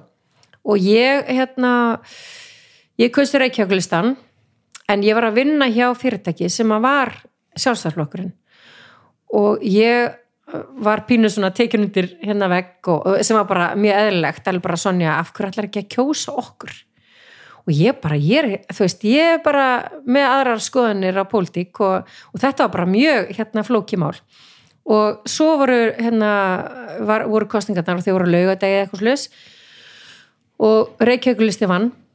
Á mándagsmotni klukkan halv átta fór ég og gaf þeim fingurinn, sóti verkvarkistuna mína og fór aldrei aftur í smíðar og frá þeim degi var ég búin að ákveða að ég yrði að vinna á blöndu vinnustaf að ég gæti ekki unni bara með köllum Já. en þannig að ok, ég bara byrst afskunar að ég að setja þetta upp svona eins og svona eitthvað brjálaslega pólitist hérna en, en þetta Nei, en ég meina, erlistin var hérna alþjóðu bandalega, alþjóðu flokkur og kvennlisti var ekki? jú, jú, eitthvað leis Framsvonflokkur líka sannlega ég, sko, nú, þú veist, fyrir mér skipti þetta bara engum máli hafa bara, hérna, bara ekki kjósa sjálfstæðsflokkin, af því að örgla einhverju kalla kallar sem þú varst að vinna með. Sko, mjög trúlega var það ástæðan, en hérna ekki kannski ég held ég að hann kannski ekki mikið fara ekki djúft inn í málefnum, sko en þetta er bara svo að finna setja í samingi að því að ég bara á mándagsmotni þá fekk ég vinkurum til að skutla mér að því ég átti svona verkvarkistu með alls konar borvilum og þú veist, hallamálum og þú veist, með ístvinghamar minn og allt þetta. Vinkil. Vin, og með vinklana. Maður á ekki bara eitt vinkil Já, sjáðu til. Og hérna, og ég bara og ég fekk eitthvað svona útur í að bara gefa þeim fingur. Ég bara strákar, ég ætla að vona að bara skemmt ykkur á kostningaukunni, þú veist, alveg ógstlega og svo bara búin að því bara, og bara, já, já, fá fyrir heim, já, svo bara fyrir heim og ég hugsa bara, ok, nú ætla ég bara að fara í sumarfrí. Og hérna gerði ég það, nei, ég sótti um tvær vinnur, ég sá allt í hennu, það var bara að vera auðlis eitthvað svona skemmtilega vinnur, það var hérna uh, einhver kona í Keflavík eða Njarðvík sem að var að auðlisa eftir að hann að vanta hérna starfsfólk. Og það var hérna kaffitár, hún eitthvað fyrirtæki sem kaffitár og var ný, uh, sérst, nýbúin að opna eitthvað svona pínliti, uh, pínliti kaffihús í kringlunni. Og ég sem sagt hérna, það var það og ég skrifaði náttúrulega hand, handskrifaða hérna umsókn. Já, og ég reyndar líka sótt um í einhverju dýraverslun upp í hérna, sérst dýrabúð upp í mjótt ég fekk hérna viðtali í báðum vinnunum. Já, og dýrabúðin ringdi undan og sagði ég hefði ekki verið ráðinn. Og ég var pínu, pínu sorgmat sko. En svo ringdi aðalhjóri í mig og sagði bara herru ég bara þú veist, er til ég ráð þig. Það er aðalegur hjá kaffitóri. Aðalhauður Híðansdóttir, kaftari og það var rauninni hún sem að bara og þegar ég kynnist henni hún er bara mikill frumkvöld í algjörlega á Íslandi bara, já, bara á Íslandi sem Erlendis, ég menna hún var strax bara hérna uh, hlutað svona alþjóðlegu hérna alþjóðlegum gæðasamtökum í kaffi og hérna Já. og það er rauninni hún sem að ég meina, við vorum að vinna saman á espressovélinni bara fyrstu árin hérna, í, á litla 13 fermentrónum hérna í kringlunni. En svo hérna, já, svo bara kennur hún mig fyrir hérna öllum þessum erlendu uh, ver, hérna uh, sýningum og en hvað, fegstu þá bara vinnu sem kaffibarþjótt já, við vorum bara, ég er starfsmannum með fimm sko, það var bara ég og hún og hérna, og pappinar var með bókaldið og svo var hún Sigga sem var að brenna og svo var hérna, já, einn stelpa í viðbót sem var ráðinn og síðan var þetta svona, veist, að koma og fara sérst, staff og þarna voru við bara með 5.000 krónu sölu á dag og rosalega gladar sko. ég mann þegar ég, hérna hvað árið þetta? Þetta er 1995 september 3. september 1995 sem ég byrja sem að vinna byrjar og þá er kaffitorp samt búið að vera til í ykkur tíma vegna þess að þegar ég var Já. með kaffi og le uh, þá keftum við kaffi af kaffitóri Mhm. alltaf. Og ég man að þetta var mikið debatt vegna þess að við ákvaðum að kaupa frekar það kaffi þó það væri tölverð dýrara. Já, heldur en við hefðum geta fengið eitthvað gefalega drasl frá einhverjum byrgja. Já, við ákvæmum bara nei við erum með gott kaffið, það er dýrara. Og svo reyndar var, voru gerðum við þau, neða það var sannlega ekki mistök að það var endurins ábútt þannig að við, Já. hérna, það var hérna, heil kynslu listamanna og mentaskólinema sem hengu hjá okkur, en við föttum það, ég, ég, þarna var ég eitthvað 22 og nýbúin að opna kaffús og við föttum, ok látum þetta snúast um gæði. Mhm. og það var alltaf það sem kaffitór var að gera. Alltaf. Já. Með mitt Þannig að þú byrja bara á vélinni og, og síðan ertu orðin Já, Hvað? Eh, sko, hérna, já, kaffið er náttúrulega stopna sko 1989 Já. þannig að þú veist, þau voru búin að vera kaffibræsla og það eru örgulega þessna eh, hérna þegar þú ert að kaupa af þeim nei, byrju, Ég, hérna, Já. 92 byrja ég að 92, kaupa þeim. já, þá ert þú, já Ég held mér að ég hef bara verið einna fyrstu svona veitingáskonum. það er eiginlega hlýtur að vera, því að svo stopnar hún þetta kaffihús, það er 94 það er sem sagt 8. desember 94 sem hún opnar það og ég byrja síðan Já. og þá erum við bara, þú veist, já bara að reyka kaffihús já, ég meina, ég er náttúrulega bara starfsmæður plani. Já, og ótrúlega hérna gefandi og skemmtilegt. Og þá er hún líka með sko fyllt af svona námskeiðum. Og ég var svona aðstofamæður á námskeiðunum. Og, eh, og þú veist nú hvernig það er þú veist þá lærir maður svo brjálaslega mikið. Það, það bara, þú veist, hún er hafsjór af hérna fróðuleik hún er, uh, hún er hérna eh, fóstra, það er það sem hún eh, leikskóla kennari í dag. já, Já. já, já, já, fyrir ekki, fyrir ekki Nei, allt í leið. og hérna þannig að eh, ég bara, ég horfði á hana bara með aðdána því hún vissi svo margt og já, ég, við unnum bara saman hann og ég vann náttúrulega hjá henni hann einhver, einhver 13 ár og opnuðum alveg brjálæslega mörg kaffihús Mhm. lokuðum líka rosalega morgum kaffihúsum, þú veist, það voru svona ímis hérna, verkefni sem voru tekin eh, hérna, eða þú veist, einhver svona tilrönda verkefni Mhm. sem að lokuðust líka og já, og svo bara náttúrulega hérna Og fyrirtækið stöðumvestir allan tíman. Já, emmitt. Og svo bara, já, þannig að ég var hann sko framkvæmstjóri í kaffihúsana að því við vorum komið með einhver, ég tíu hvað, tíu kaffihús eða eitthvað og 200-300 manns í vinnu og svona. ekki alveg svona marga sko, þetta voru svona kannski 120 kaffibarþjónar, cirka, en svo náttúrulega bara annar pakki sko í, þú veist, útkeislu, kaffibrennslunni og því alls saman. Og hérna, en ég var að sjá um þjálfanir á fólkinu og eh, en svo er ég náttúrulega bara komin á skrifstofuna og, og þá finnst mér, ef, þegar ég horfði tilbaka mér fannst það ekki þeim tíma ég var náttúrulega reyndar að því maður var að gera svo margt þú veist, að vera svona framkvæmstjóri yfir kaffihúsum að þá ertu náttúrulega að gera allan fjandan ég menna þú ert að þú veist, að því ég er með húsasmiða bakgrunn og þá er ég sko, þegar við vorum að opna ný kaffihús þá er ég að hjálpa smiðunum. Já, skrúa saman akkur skrúa saman drastl og svo er ég bara, svo þurft að laga einhverja stíplur, einhverju klóstunir í bankastrætti og þá er ég mætt bara hérna Með með drullusokkin og hérna og svo að maður að mála og þú veist þannig að ég var starfið mitt sem sko framkvæmstjóri kaffihúsa var bara svona brjálaslega fjölbreytt Já, en kannski ofjölbreytt að því að hérna, það kom yfir með eitthvað svona ok, nú bara langar mig til þess að fara tilbaka og vera með eitthvað svona lítið og nett eftir þessi 13 ár. já, eftir þessi 13 ár þá kom eitthvað svona yfir mig og þá hérna, 1. apríl uh, 2008 þá hérna sagði ég upp mínum störfum hjá kaftari og, og aðalhauður held náttúrulega, ég var að djóka því þetta var náttúrulega 1. apríl, þetta var kannski ekki alveg besta tímasetningin að segja upp sínu starfi lausu og hérna, en uh, já, þannig að ég hætti og uh, sagt, og byrjaði síðan bara að leggja draug að kaffismiðu Ísland sem að var síðan upp á frak, uh, frakasti. Ég var ekki búin að ákveða að opna nýtt fyrirtæki þegar ég sagði upp það var svo sem ekki hugmyndin ég vissi bara að ég yrði að breyta eitthvað pínlítið til. En varstu byrjað að rista kaffið þarna?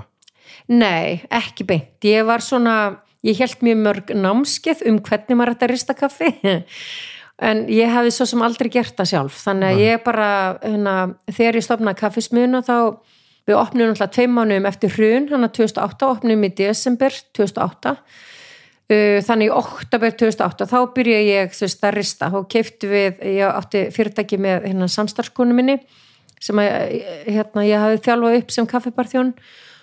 Og við sérst, áttum hérna fína bleika opn, kaffibarslu opn og Sætla menninga. sallamenninga og byrjuðum sérst bara, við lærðum bara í rauninni á því að gera. Já, og auðvitað með því að ringja í alla vin okkar og bara býttu af hverju er kaffi svona, það ríkur úr því? Þú veist, það kemur út á opnum það er bara rosalega svona svart og glansandi. Veist, já, já það, þurftu er það bara, búið að vera aðeins og lengi í þurftu bara að sko. henda hellinga.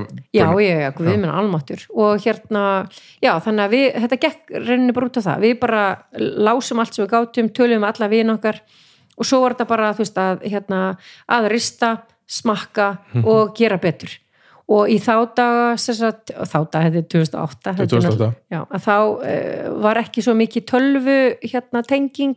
Þannig að allar svona í rauninni við handskrifum allar nótur og, og hérna tímasetningar og hita breytingar, þetta var allt saman handskrifa niður. Og það er rauninni er rosalega góðu skóli. Veist, að bara gera þetta bara sjálfur veist líka, þú veist, og núna til dæmis erum við með rosalega fínan hérna hugbúna sem að skrásetur allar breytur í opninum og hitabreitingar á tíman og það allt saman sem að gerir kaffi aðeins meira kannski uh, hérna konsistent, ég man ekki alveg íslensku orðið fyrir það. Það maður hafa það svona eins alltaf. Já, en hérna í þá dag var þetta bara svona uh, þú veist, þá erum við bara að gera, smakka og gera aftur. Já ég man sko, þetta var, þetta var kaffismið Íslands var game changer í kaffehúsu bransan Jú, emitt bara, það er fyrsta þriðkjensla á kaffehúsið, er Jú, ekki? Emitt, sem kemur ykkar, emitt sem er hugtak sem að þú kendi mér, að útskriða aðeins. Third gen, ég bara what? Já, akkurat. Já, Nei, og, og sko, þetta er á sama tíma og ég og Gunnar erum opnað til einmitt og þetta er á þeim tíma sem allir halda við séum rugglaðir að vera komnir úr hérna, vinnu hjá bara stöndu stórfyrirtæki og við erum bara að opna fine dining restaurant í miðju hérna, hana, Já. en við keftum kaffa þér og Já. ég held að við höfum verið fyrsti fyrsta, kaupandinn. já, þið voru svona fyrsta veitingahúsið sem að og bara, og það var svo gaman að við skildum geta verið í samstarfi vegna þess að þið náttúrulega svona rosalega svona hérna fine dining og bara með hérna brjálæslega hérna flottar hugmyndir um bæði þjónustu og hérna og bragð sams, samansetningar. Já, og hérna og svo náttúrulega vera með kaffi frá okkur þannig að það var alltaf beint frá einhverjum bónda. Já. þannig að, hérna, að tengja saman sko sem sagt, uh, hérna þetta æ, transparency uh, hérna þetta, gaggsægi þetta gagsægi sko frá og bónda rekjanleika já, sko. rekjanlegt sko Já. og hérna, og svo náttúrulega að því að eh, við vorum svona tvö svona lítil fyrirtæki hafa gott við náttúrulega bara rætt saman Já. um ok, virkar þetta, virkar þetta ekki Akkúrat. og þannig að bóðulegirnar eru svo stuttar, þú veist, þegar maður er svona alveg í beinu sam, samstarfi að þá er svo auðvelt að hérna aðalega sig og, og læra. Mhm. þannig að ég lærði helling sko af ykkur og hérna og ég er alveg sem að þið lærði sko helling það af var okkur alveg mjög mikið, við vissum náttúrulega bara ekkert um kaffið þannig. Við vissum hvað okkur fannst gott og hvað okkur fannst von en þarna, var kom bara nýr stíll nýr bragð stíll af kaffi Jú, einmitt. sem að reyndar eru hérna, margir sem að þólan ekki sem er bara allt í lagi, sem er bara óskup skilinlegt það er þetta síruríka kaffi einmitt. sem bara var ekki til þegar þið opnuðu kaffismiðuna Já, emmitt. Já, kaffismiðan er náttúrulega bara svolítið svona skemmtilt fyrirbæri vegna þess að uh, ok, ég skal alveg segja þetta. Hugmyndin var pínu svona einföld baka kaffismiðuna mm. að því að við búum í svo litlu samfélagi og að horfa það sem að var til sem var te og kaffi, kaffitár og svo var þetta nýja kaffibræslan og svo var þetta innflutta. Ok, hvað vantar? Og það sem að vantaði var að tengjast því sem var að gera erlendis og gerast í öllum sem keppnum að því ég er erlendur, ég er svona alþjóðlegur kaffidómari, þannig að ég var að dæma uh, einhverja svona kaffistíla sem að voru ekki til á Íslandi -hmm. og þannig að hérna þegar kaffismiðan var komin á teikniborðið og bara ok, þetta er það sem við viljum gera og til dæmis eins og bara þetta litla atrið eins og að vera með við vorum með þrjár hérna, espresso kvarnir, ég man ekki hvort þú manst eftir í og vorum bara með single, eða sérst, bara með eina tegunda bön, þannig að við vorum ekki með kaffi blöndu, vorum bara með single origin Já, og já, já. kannski bara frá einum, einum bónda. á já, Akkúrat. já, og bara algjörlega það var það sem enginn á Íslandi hafi verið að gera áður. Og meir sé ekki sko í Skandinavíu, þú veist, við vorum aðeins á undan til dæmis Coffee Collective til dæmis. En hvernig gekk að koma svona í fólk? Það var náttúrulega fyrstu tvö árin voru náttúrulega pínu erfið sko. Ég meina þetta var alveg en ég held sko að því að maður er hérna sjálfur og maður í rauninni maður er að kynna bóndan maður er hérna þannig að bragði er ekki nummer eitt. Heldur er það hugsunin sko uh, hvað er bakvið kaffiballan til dæmis eins og hérna við vorum að kynna hérna uh, Javier til dæmis þá vorum við að kynna Javier til, hérna, til þín sem kuna og það sem Javier er að gera sem kaffibóndi, það er þetta hér. Og þetta var kannski ekki besta hérna kólumbíukaffi sem þú smakkaðir uh, ever en þetta var sérst kaffið hans og þetta er það sem hann er að gera Já, þú ert komið sögu af fjölskyldun hans já. í bollanum. Akkurat, og það þýðir líka að að væntingarnar eru bara til dæmis, hvað er hafið að gera í dag Mhm. þú veist, ekki bara og ætla að fara að fá mér og bara besta kaffi í heiminum, heldur ætla ég að smakka það sem hafið er hérna bollanans hafið er í dag Þetta Þann- var samt besta kaffi í bænum, sko. Já, það er afleggingin sko og að því að þú ert líka með sko upplifununa af hérna, þjónustunni og sögunu bakvið og ég er alveg viss um það hérna, við gátum komist upp með þetta að vera með svona ná, nána þjónustu og taka samtalið eh, bara við hvern einasta kuna að því hún svo lítið fyrirtæki. Já. og pluss það við opnum hérna þú veist, tvei mánum eftir hrun þannig að það voru allir svo tilbúnir í eitthvað. Og ég meina þú þekkir það líka sjálfur. já. það voru allir svo tilbúnir í breytingar. Já. Og það held ég að hafi verið sko brjálaslega svona heppilegt fyrir okkur að hafa akkurat opnað þanga á þeim tíma, ég meina að þetta var ekkit auðvelt ég er ekki að segja það. Ég meina allt ráefni er náttúrulega tvöföldum brís. Jú, ennmitt og þú veist, og ég bara verið sorgmandi er að hugsa tilbaka en það sem við var að standa svona kannski upp úr var einmitt nákvæmlega þetta, var þessi upplifun og hérna bæði fyrir mig sem hérna manneski sem er búin að hitta HVR og búin að vera með honum á búgarðinum í Kólumbíu og fá útskýra það fyrir þér sem viðskiptavinni Já, og svo erum við upplifað saman eitthvað einhverja bragð eiginleika að því ég, við vorum náttúrulega bara að læra líka að rista. Já, þannig að hverjum degi var eitthvað nýtt. Mhm. þannig að þetta var svo hérna, þetta voru svo mikilvægi tímar sko í, Kreat, að- í kreativiti ykkur. já, Einmitt, að læra að þróa alls konar. Mhm. Og hérna, og svo vissulega sumir náttúrulega fíla þetta alls ekki en ég menna, ég held að öllum að þótt gaman að fá upplifununa Mhm. og þó svo að niðurstaðan hafa kannski verið bara, nei, veist, ég bara eiginlega fíla þetta ekki, að þá er það samt sem að er einhver niðurstað sem að viðkomandi komst að á því að hafa smakka kaffi. Já, þannig að mér fannst sko kaffismiðan vera svona meira eins og svona einhver hérna, sto, ekki stopnun en þetta var svona eins og einhver upplifunar miðstöð Já, og, og upphaf af einhverju. upphaf af, Af einhverju mjög mikilvægu í, ekki bara veitingabransanum, af því þetta er líka einhver, var svona ríka, varð einhver svona hotsteinn, einhverju hipstera menningu jú, jú, jú. og, og einhverju svona, veist, þeir sem var fólk sem kom þarna fyrst til að byrja með voru einhver svona dedicated foodies, sko. jú, emmitt og veist, og öll, hérna, allir með skegg og þú veist þetta það, þú veist, þannig að þetta var eitthvað svona þeir, þeir voru brauðreindur, alveg mikli brauðreindur á ykkar,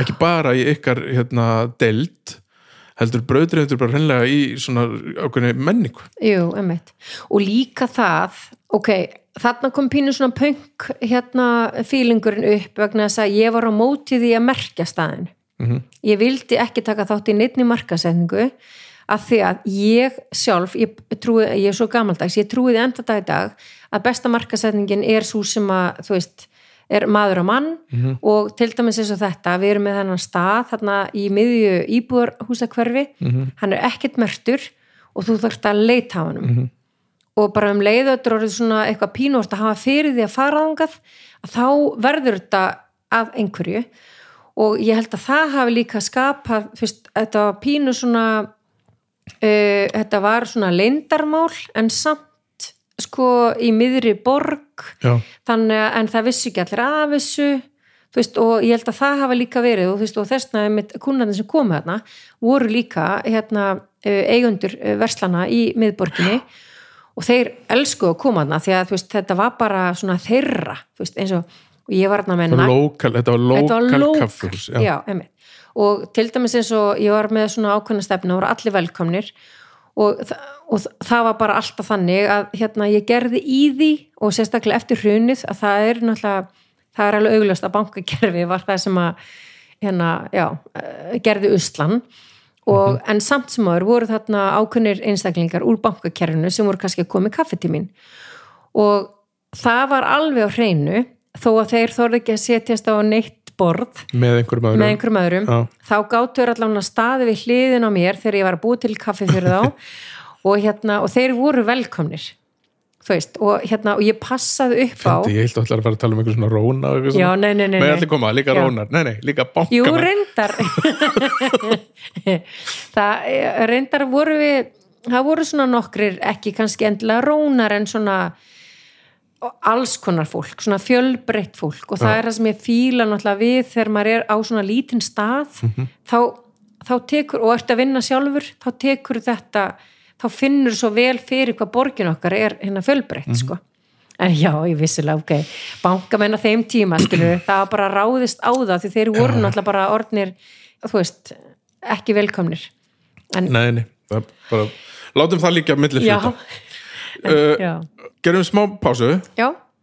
Af því ég er svo heppinn að vera með sponsora á þessu podcasti. ég get svarið það.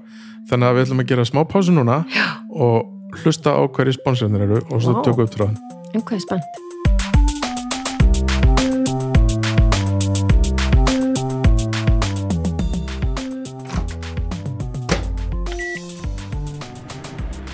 Þessi þáttur er í bóði Ægis Brugghús. Ægir Brugghús er brugghús út á Granda í Reykjavík.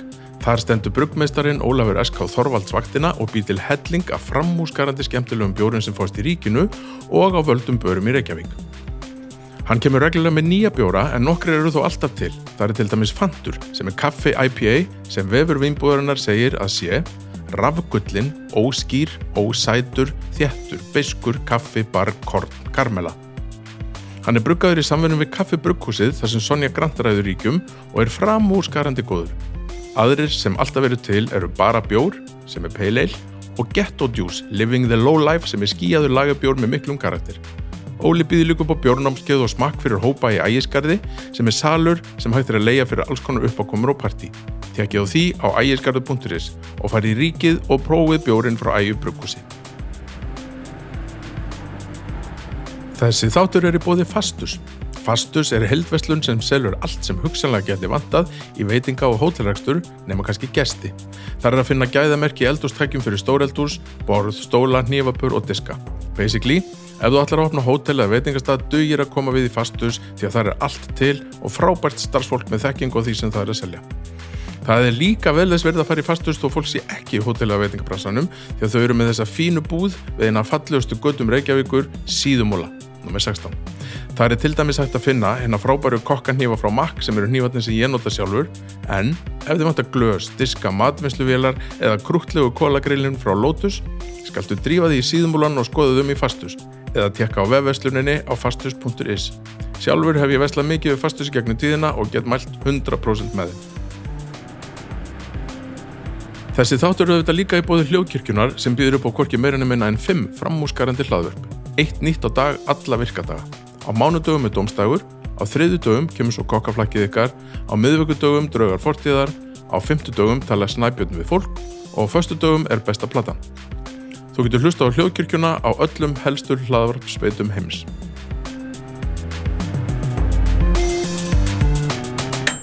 Ok, við vorum, það fannst þér ekki gaman að heyra í sponsorunum með það? Jú, minnst það geggja Já. bara, vá, takk fyrir allt sponsið Nákvæmlega, ég er mjög þakkláttur fyrir það.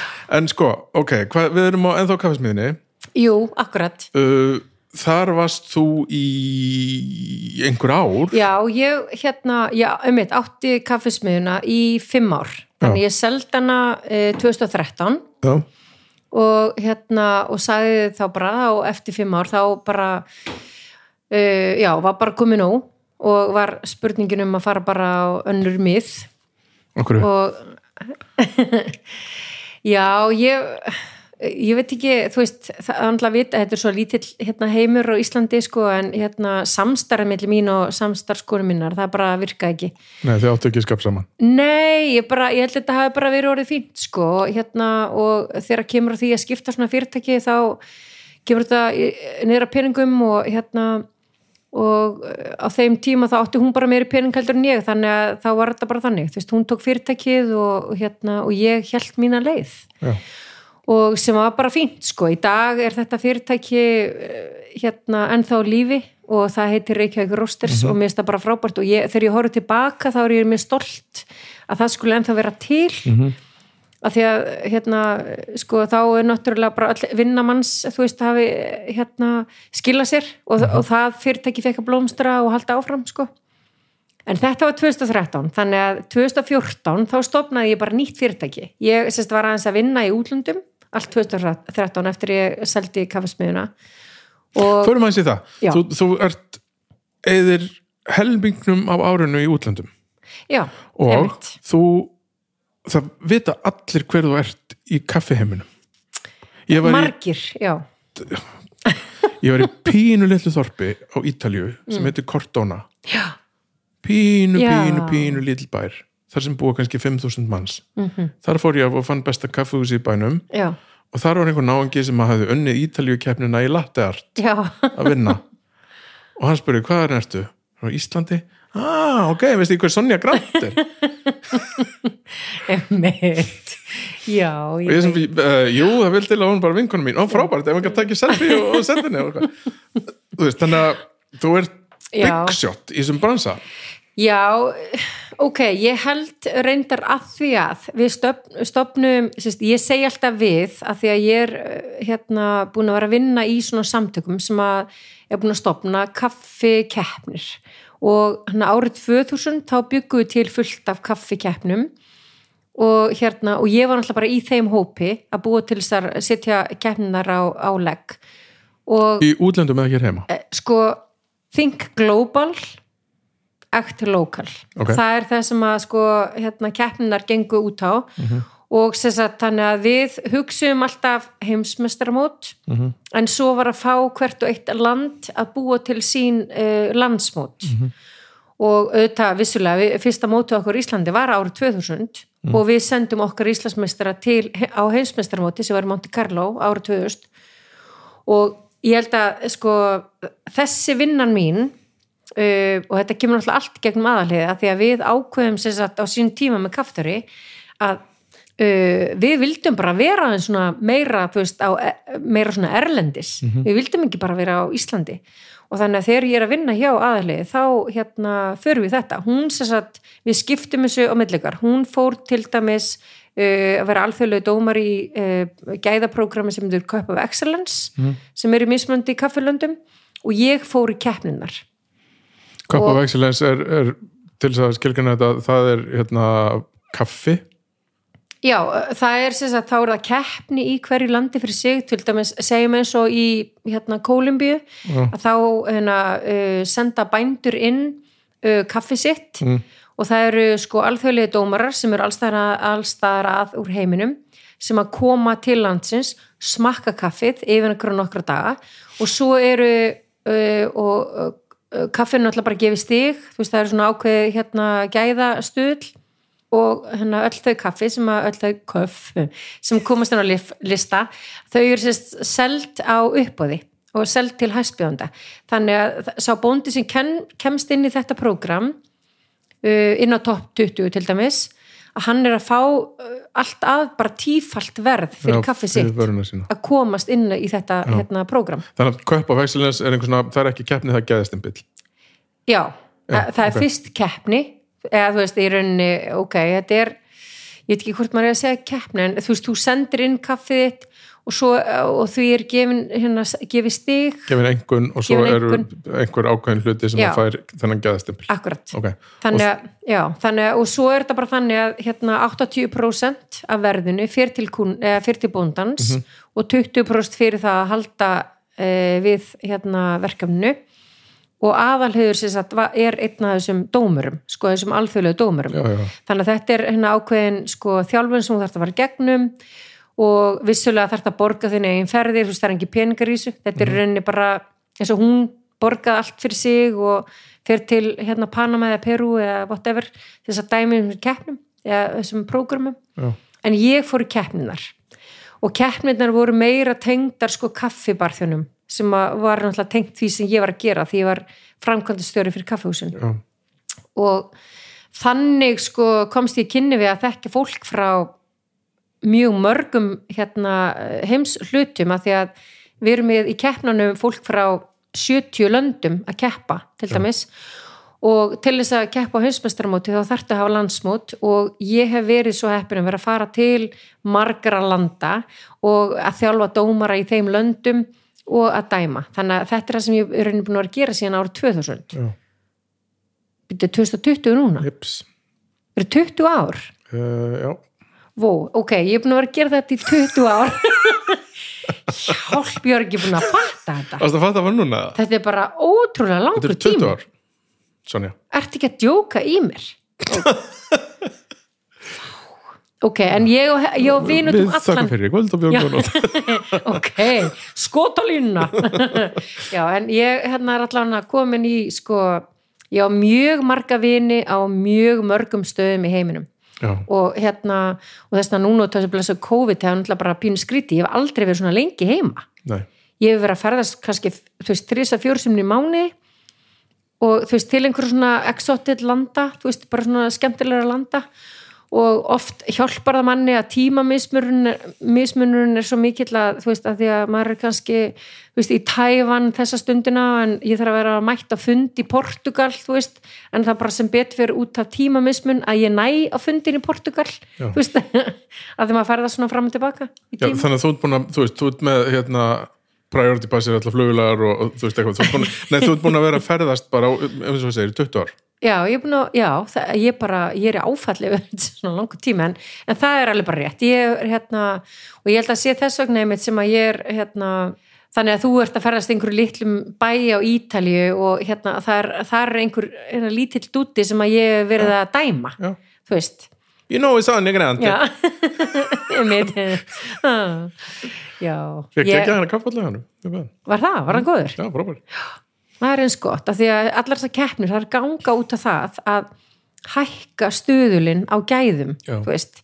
þannig að ég er rosalega glöð að núna til dæmis að það eru margar, margar, margar borgir í heiminum þar sem að þú getur þefað uppi uh, fyrirrandi keppanda úr keppnunum okkar og þar ertu fullkomlega hérna, pottitur um að fá almennlegt kaffi Já. það er eins og hérna á Íslandi að þá getur farið til dæmis á þessa staði sem að eiga Íslandsmeistara, fyrirhundi Íslandsmeistara til dæmis eins og Palli til Hefnafyrir mm -hmm. það er Pálmar að vinna, hann á það fyrirtæki hann er tvöfaldur Íslandsmeistari og hann er einn af þeim sem er búin að halda sínum stöðul sko. hann er ennþá, þú getur ennþá hann er ennþá með þessa ástriðu hennan, hennan, þessa ástriðu gagvart því að, að bera fram góðan kaffballa Já, sko, ef ég á að leiða þarna framhjá þá fer ég á ballett. Já, emmi, þú sér Ég það. hef meiri sér gert með ferðangað þó þetta sé Hafnarfirði. Út fyrir Reykjavík. Já, já, mamma mía. Ég veit, við hérna, hérna 101 Já. rotturnar. En sko, Mm. þú ert búin að þú veist, þú hefur alveg getað hætt þessu. Jú, ég hefði getað gert það. En af hverju ákvæmst að halda áfram þessu? uh, Ég held að eftir kaffesmiðuna að þá mér fannst eins og ég væri ekki búin að gera allt sem að mér langa alltaf að gera hérna heim á Íslandi Mm. af því að vissulega er ég menna það tógar í mig bara að hætta þessu kaffistúsi og bara fara að temja hesta á ný skilur eins og ég var að gera þegar ég var tíu ára skilur, en ég held sko að hérna, ég á átti eftir að gera þetta uh, það sem að mér fannst að vanta og ég gat ekki gert í hérna kaffismiðinni var það sem ég er reyna að gera núna í kaffibrukhúsinu það er að samena uh, veist, það, er að vera með þessu upplöfun þannig að þegar þú kemur inn í fyrirtækið þá ertu ekki farin á eitthvað ennett kaffihúsið uh, þú ert ekki farin í kaffibrennslu eða námski, þú veist, þú ert ekki farin í þú sérði ekki alveg strax hvað er að gerast að því það er svo margt Þú ert ekki inn í eitt af þessu, þú ert inn í allt Já. Já. og hugmyndinu þessu er kemurunni frá stað sem að ég elska og er í Kólumbíu. Og það er hérna að því að svo kann ég ekki alveg alltaf að bera fram nafni það er hérna Ég skal hjálpa að ég tala spænsku. Já, það er hérna Andreas eh, Carne þetta er hérna sérst, svona steikarstaður Andres. Já, og hann, sérst, gamli staðurinn hans er sérst rétt fyrir utan uh, Bogotá. En nýji staðurinn er inn í miðri Bog- Bogotá eða nýji staðurinn, hann er kannski tíu ára gamall. En er á nokkrum hæðum. Og hverri einustu hæð er einhver svona eitthvað svona eh, einhver, svona, einhver tilfinning. Eða sérst, eitthvað svona uh, andrúsloft já, og það sem er svo skemmtilt við hennar stað er að það, kemur þér alltaf óvart. Og til dæmis á gamla, gamla staðinum þá eru hérna til dæmis það er svona bás, þetta er veitingastæður.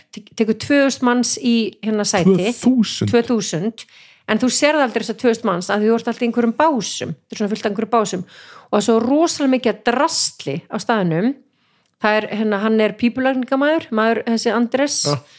og þannig að þegar þú fer- er þannig að þegar þú fer inn á klósett þá er sko alla pípulagnir og þegar þú hala niður klóstinu þetta er allt úr loftinu og þetta er allt svona heimasmíðað og vaskurinn hérna sagt blöndurantækin þau eru allt svona heimasmíð úr svona skemmtilegum hnjám af hérna, pípulagninga hnjám og alls konar. Og þetta er bara svo þú veist, bara um leiðu fyrir inn á klósett þá bara vá hvað þetta er gaman.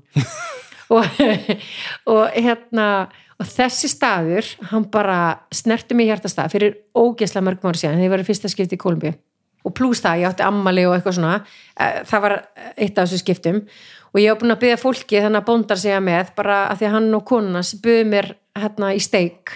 Og þeir eru með svona plankasteikur og það sem er svo fyndið að maður, maður þarf líka að fá sér svona hérna, maður fær sér bjór og svo setja hérna svona skot inn í, eða sérst ofan í bjórglasið. Það er svona kafbót jegabóng já, já, nema að þeir eru með hérna svona skot sem heitir hérna aguardiente sem er hérna þeirra brennivín. Já. Og setur það ofan í. Og þetta er bara svo fyndið. Og ég hef ekki séð þetta síðan ég var úlingur sem bara hressa hérna í gamla það nema hvað, hérna, þeir vorum hérna að fá okkur steik og ég hef búin að byggja fólkið bara, ok, ammali en ekki vera með neitt vesen, bara please þú veist, ég þól ekki eitthvað svona eitthvað vesen. Þeir bara, nei, nei, ekkert mál.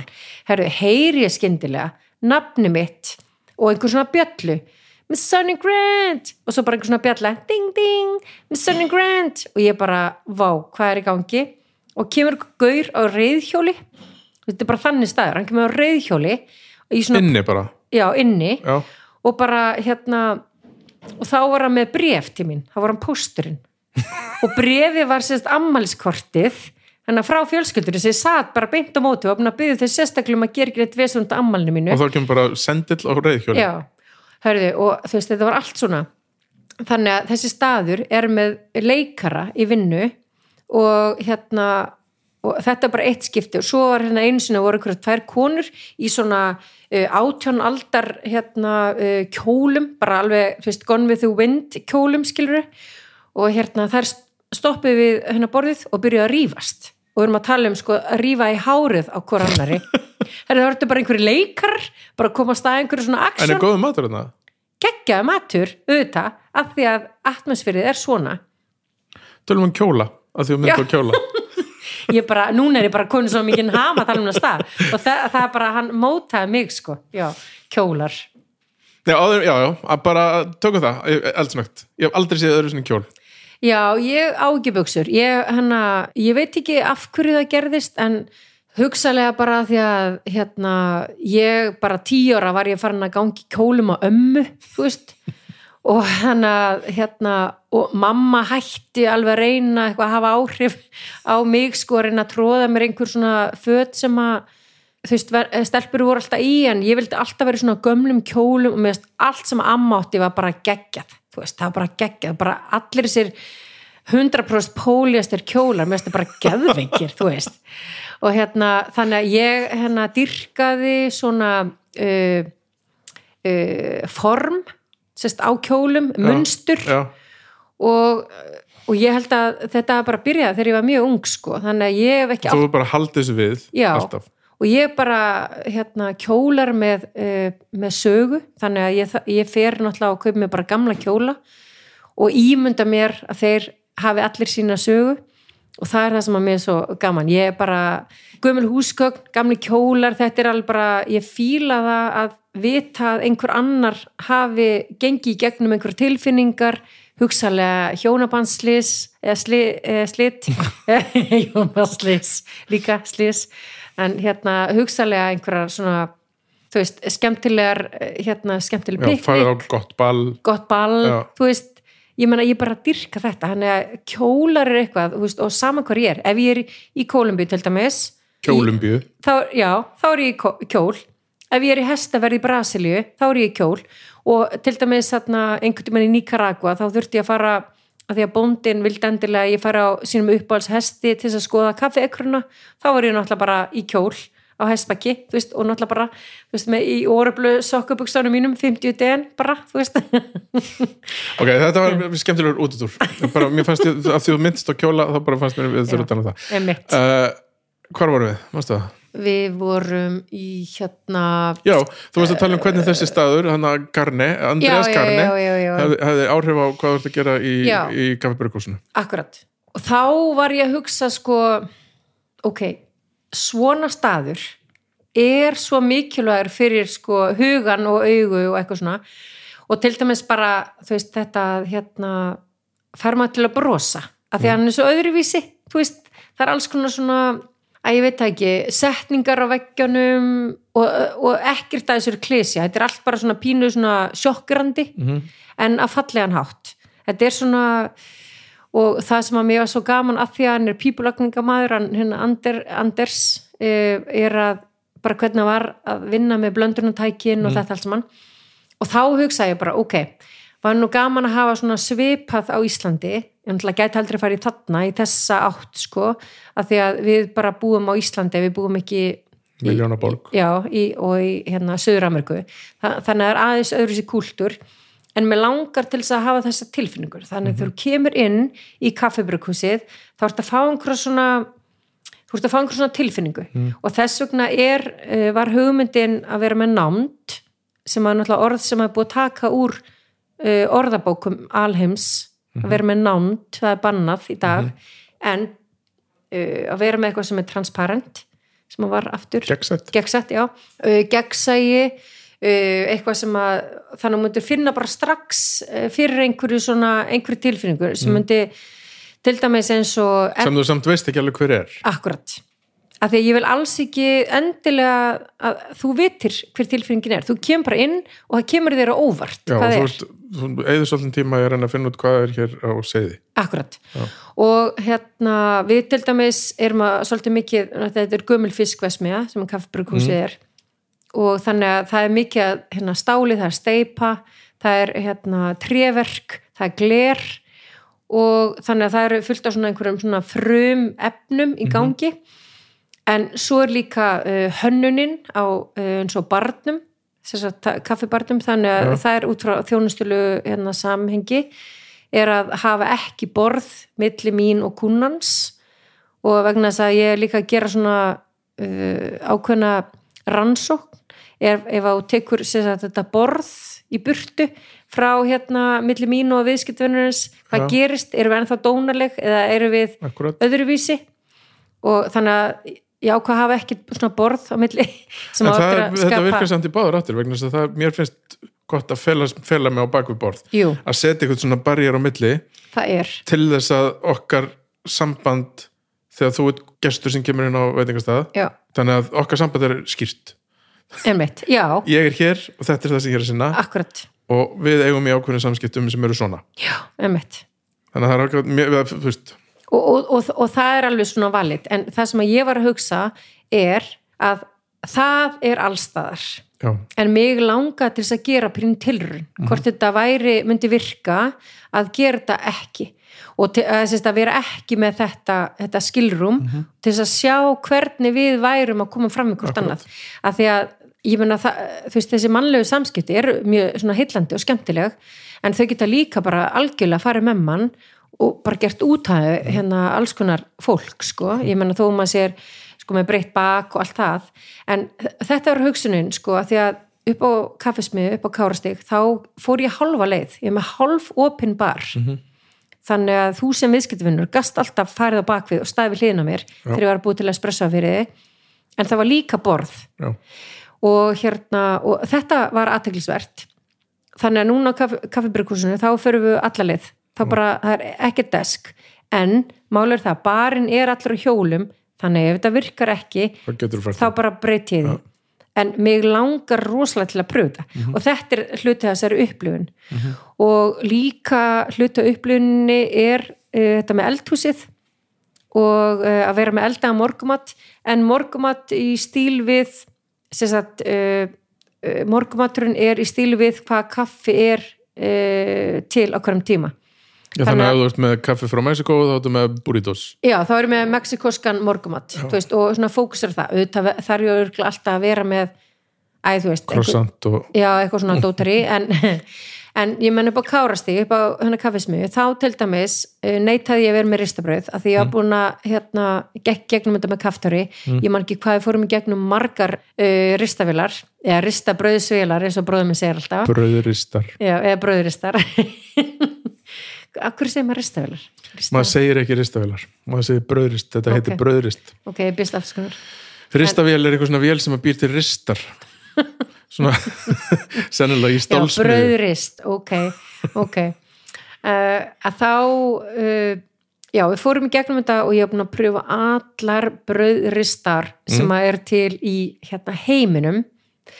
Og það tekur að lámarki fjóra mínútur að rista hérna, bröð Já, og það er lengri tími heldur en tekur að búa til latti, til dæmis. Eða á sama tíma tekur að búa til latti þannig að það hefur ekki upp á sig að vera með hérna, ristabröð nema að þú hafir sko stærri stað. Þannig upp á kárastík, þá upp á kafsmið þá bara ákveði að vera ekki með ristabröð og það tók tvö ár fyrir fólk átt að því að ég var ekki með ristabröð það var allir bara, ég að vera ristabröð nei, það er bara ekki til. Að því að ég ákvaða að eyða tímanum í annað. já, þannig að núna nýr á kaffebrukúsi þá þarf ég kannski aðeins að hugsa þetta því að núna er bara ristort hérna eldhús þannig að það verður eitthvað svona skemmtilegt að, hérna, að pæli því.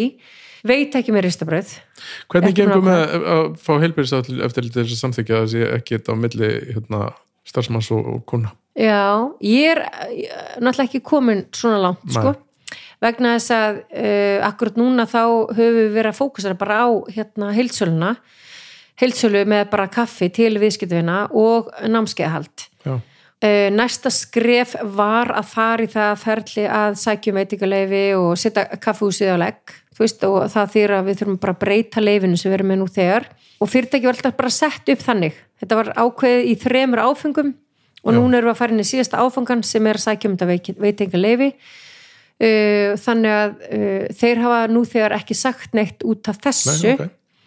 uh, en svo hérna erum við ekki það þyrftir náttúrulega kannski að fara í svona frekari uh, vinnu í sambandi við það en ég er alveg óhrætt við að pröfu þetta Mér finnst þetta frábæð pæling já og ég veit ekkert hvort hún virki eða, eða þú veist, ég menna það verður bara komið ljós en ég held að maður þurfi samt að pröfa Já. að því að mannstu eða, þú veist, ef, þú skoðar kannski sögu kaffihúsa sem slíkra Mm. að þá er þau öll meira minna bara einhver svona ringur af fólki sem situr á stól með, já, eða við, með bakka í kjöldunni og einhver Já, konar lappar á milli og hellir í bollana. Já, Þannig- eða með eins og Ítalíu það sem með espresso bar þar sem að fólk kemur og styrtar í sig einum eldsnöggum já, nákvæmlega. Og þannig að þú skoðar sko sögu kaffihúsa frá því þetta varð eitthvað svona bara eins og í stofunni heima Já. í það að verða bar og hafa svona borð á milli kunnans og Mhm. hérna, og, og hérna starfsmannsins, það er ekkert svo langt síðan það var. Og þannig að hérna, þeir sem eru virkilega að pæla í hönnun kaffihúsa, þeir eru svolítið svona að pæla í þú veist, hvernig var þetta allt í hennu svona? Mhm. hvernig getum við breytti og hvernig getum við farið út úr þessu formi? Já, eða er þetta gott bara eins og þetta er?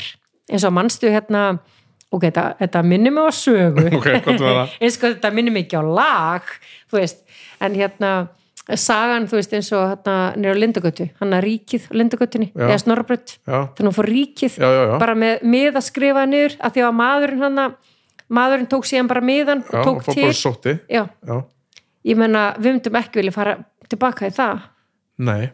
Það er ræðilegt Já, einmitt, ég sé bara- þetta líka þetta er, þetta er, þetta er algengt formatorðið á náttúruvínbörum í, í. Európu uh, Danmarku, þar, Mhm. þar er búið að afmáða þessi þessi mörg sko. Já, og í rauninni er þetta sko svolítið þannig að þú að taka borð á þjónustu uh, án þess að þú komir á borðið. Þú veist, nándin er svo sama já, og þegar þjótt kemur að taka pöntun hjá borðinu, það er ekkert á milli nema kannski mögulega skrifblokk. Mhm. Og þetta er, þú veist, ég hef ekki séð þetta á, einu kaffhúsi þannig að mokk, mokk, amokk í Brussel, þar er, þar er svona þessi pæling en er, ég séð þetta á vínbörum víða, já, og þá er þetta bara þá stendur þú bara með vínþjónunum við flösku úrvalið og þeir eru bara öxli og öxl og, og, spjalla saman sko. Þannig að mér finnst þetta frábær, ég held að þetta getur verið áhugavert sko. Breyt, breytir allir dýnamík. Já, ég held sko þetta og, og líka bara að breyta til. Já, þú veist, ég held að það sé það sem að allir er alltaf að hérna skoða er hvern, þú veist, við erum orðið svo inn í okkar svona þæginda ramma Mhm. og þegar við hérna, erum í þæginda rammanum þá vill maður alltaf bara pínlítið hafa einhverju svona áskorunir Mhm. og þetta er til dæmis mín áskorun er að fara út í þetta. Og hérna, þannig ég, ég lakka bara til sko, veist, ég veit ekki hvenar þetta verður, en með þetta blessa kaffihús en ég menna það, ég meina ætliðum að opna 2017 og svo var það 2019 18 og svo bara nokkuð á þessu sko, fyrir mig liggur ekkert á þessu mér bara langar náttúrulega til að, testa þessar hugmyndir Já. en það sem er að gerast núna þanga til, erum við náttúrulega bara að styrkja fyrirtækið í því sem við verum best í, sem er náttúrulega að vera með heildsöluna Mhm. og námskeiðhaldið, Þú veist, ég er náttúrulega bara að elska þessi námskeið og, og hérna Í hverju felast þessi námskeið? Hvað lærir maður á, á námskeiði í kaffibrukusinu? Já, það, það er sko margskonar, það sem er vinsalast og mér finnst kannski svona ok, ég má náttúrulega ekki gera upp á milli barnana eins og allir er að segja en hérna, má samt alveg, ég Já, elska má eitt samt gott alveg, mitt- já. já, neitt nákvæmlega. En mér finnst sko í rauninni skemmtilegasta námskeið er hérna fyrir svona hinn almenna kuna Já, svona 101 bara. já, sem að er, þú veist, og það er svona kannski tveir tímar og það er svona mynd uh, verið að fara í gegnum sko ræktun uh, og vinslu á kaffinu bara í myndmáli. Og einhverja svona hallarslega myndir sem ég bara tekja á mínu ferðalögum, þú veist, og svo, tek, svo er ég alltaf að segja einhverja sögur, þú veist, einhverjum hænum og eitthvað, þú veist og eitthvað svona skallett en svo er, eh, sérst, svo færir maður sig að smökkunumborði og þá eru við, þú veist, að því að tala svolítið mikið um vinslu aðferðið, þar sem við erum að tala um hérna fyrir í okkar Já, já, að, uh, að líka að, hérna, tala eins um vinslaðferðnar og svo eru við veist, að smakka kaffi og þá reynir ég að hafa þessar vinslaðferðir þannig að fólk líka bara átti sig á því hvað vinslaðferðir sem slík hefur mikil áhrif á hérna bræðið á kaffinu. Og eins og ég segi, þetta er svona cirka tveir tímar og þetta er bara svona alls konar fólk bara svona Jóna Gunna og bara uh, fólk sem hefur áhuga bara á kaffi eða hefur áhuga, áhuga bragði eða er bara að reyna að gera eitthvað annað heldur en að fara á bingo, skilur þannig að mér, mér ég er þykir þetta alltaf að reyna að gera eitthvað annað en að vera á bingo. En þú veist, ég bara, ég elska þessi námskeið sko, og þetta er bara svo gaman við maður kynnast, sko, alls konar fólki sem að, maður myndi aldrei annars Nei. kynnast, sko, þú veist Skemmtilegt já, þetta er, þetta er gaman, sko. Ég þarf að fara að koma á námskeið. Ég hef aldrei komið á kaffinámskeið. Í alveg, Í alvöru, ég hérna, elska kaffi. Elska kaffi. Og ég, hérna, á mínu heimili spörum við í öllu, bara erum svona haksín já, nemi kaffi, já, það er eina það er eina sem við bara kaupum bara það allra, allra besta. Og við erum bara alveg hérna, frávita ef við, hérna, sérstaklega er enda kona mín. Já, já, ég, ég, ég kannast við hana. Hún þekkir hana. Og ef er ekki til í góðan kaffibólla morgun eftir já, þá segir hún bara ekki sko. Nei, einmitt. Og ég skil það alveg að því að ég hlakka mig til, ég sé bara ok, nú er bara klukkan á þetta og ég bara hlakka svo til að það er lögðast morgun á morgun og ég bara, ég hlakka svo til að fá mig góðan kaffballa. spennt að vakna Já, einmitt. þó að þú vinnir í kaffi allan daginn það, verður, verður ekki leðilegt Nei, nei, alls ekki. eða hverstarslegt Nei, og það er hérna, það sem er mjög gaman sko við þetta er að, veist, ok, þetta er vinnan mín en þetta er líka áhugamálið Já. og ég held að það sé hérna mjög mikilvægt þegar maður dettur niður á eitthvað svona Já. að hérna, því að svo er ég bara í miljón nefndum uh, ég er búin að stopna alls konar samtök og það er allt saman sko í kaffi sem þú ert búin að stopna já, sem ég er búin að stopna, sem er samt bara það er bara hérna sjálfbóðlega starf Já. En ég myndi aldrei gera það nema bara að því að kaffi er bara svo rosalega stór hluti af mínu bara hjarta, eða þannig. Og ég er náttúrulega oft mun að djóka með þetta bara þegar ég konu eftirlaun þá ætlum ég að ferðast um heiminn og heimsækja alla þessa kaffibarðina hérna gaurin og Ítalíu. Og allt sko, þetta var það eitthvað svona, var það eitthvað svona bing moment? Eða þú veist, fórstu bara svona hægt og hægt inn í það að, að hérna, elska kaffi eða kom eitthvað svona haha, þetta er dagurinn sem ég fatta að kaffi verður partur af lífið mínu það sem eftir er. Ég held ekki sko. Ég hérna bara eftir því sem hún lærði meira. Já, eftir því sem ég lærði meira og kynntist fleira fólki, ég held sko uh, fyrir mig er það fólkið sem að hérna, ok, ég veit þetta er rosalega klísja, en sko ég bara að kynnast öllu þessu fólki frá öllum þessum löndum, þú veist mismöndi karakterum uh, mismöndi kúltur að ég sem einstaklingur er búin að læra svo brjálvarslega mikið bara hérna, að umgangast sko, mismöndi trúmál, mismöndi bara hérna virðingast, ég meina ég hef verið í einhver svona löndum þar sem að bara konan er bara gjörsamlega einskis hérna, ég meina hún á bara að vera þú veist, hlekju við eldaflina sem að við erum bara grínast með á Íslandi í sko 50 ár, skilju en í sumu löndum er þetta bara staðrind og svo er maður kannski í einhverjum öðrum löndum þar sem að maður má ekki sína hársitt eða, þú veist, og ég meina, ég bara elska þetta. Mér finnst þetta svo frábært að ná að kynnast allir þessu og sína virðingu. Ég meina, ég bara, þú veist, ef ég þarf að hilja hár mitt, þá ger ég það og þú veist, og, og ég reyndar pínu erfitt með þetta, með hérna þegar kallatnir eru þessi durgar, ég er bara á pínu erfitt að því ég er yfirleitt alltaf yfirmaðurinn þannig að þeir eru alltaf eins og séu í þeir sandkassan eru kannski erfiðara með að þeir samþykja það. Já, og ég, og bara að því ég kem frá Íslandi, þá veit ég að þetta er hugsanlega vandamálega, ég er alltaf pínu búin að hérna, læra Já. um landið sem ég er að fara til. Og eh, ég bara, ég dyrka þetta. En það, það sem að hérna, tengir þetta allt saman saman er kaffi, þannig að kaffið er svona þessi sameilegi rauði þráður þó svo að sé svona til hliðar fullt af svona sögum sem að hérna, verða til. Þú veist, eh, sem að ég held að ég hef meiri áhuga á svona ef ég hef verið alveg 100% hreinskilin ég er alveg bara, hérna, kaffi er það sem að bindur okkur saman en ég er til dæmis, hérna, það er alls konar mikið í kaffi, sko vísindi og eitthvað svona sem að ég er ekki alveg endilega að stússa í alla daga. Ég miklu meira, hef miklu meira áhuga á því að heyra hvernig þessi kaffibóndi er að díla við hérna stormin sem kom í síðustu viku veist, heldur en endilega vísindin í kaffibragðinu mm. -hmm. skilur við, þannig að, að, því að mér finnst þetta að vera svo stórt og svo að því að ég er náttúrulega alin upp á akriri og er svona í hérna, þekki til bænda og eitthvað svona, þá er maður pínu alltaf svona að hugsa um afkomi fjölskyldunar Mhm. þú veist og hérna og þetta er ekki kaffibændur, fólk sem rækta kaffi er ekki ríkt fólk Nei, alls ekki sko. Þe- Þetta er, bara, þetta er bara fólk sem að er að í vinnu. Veist, þau oft drekki ekki kaffi sko. Nei.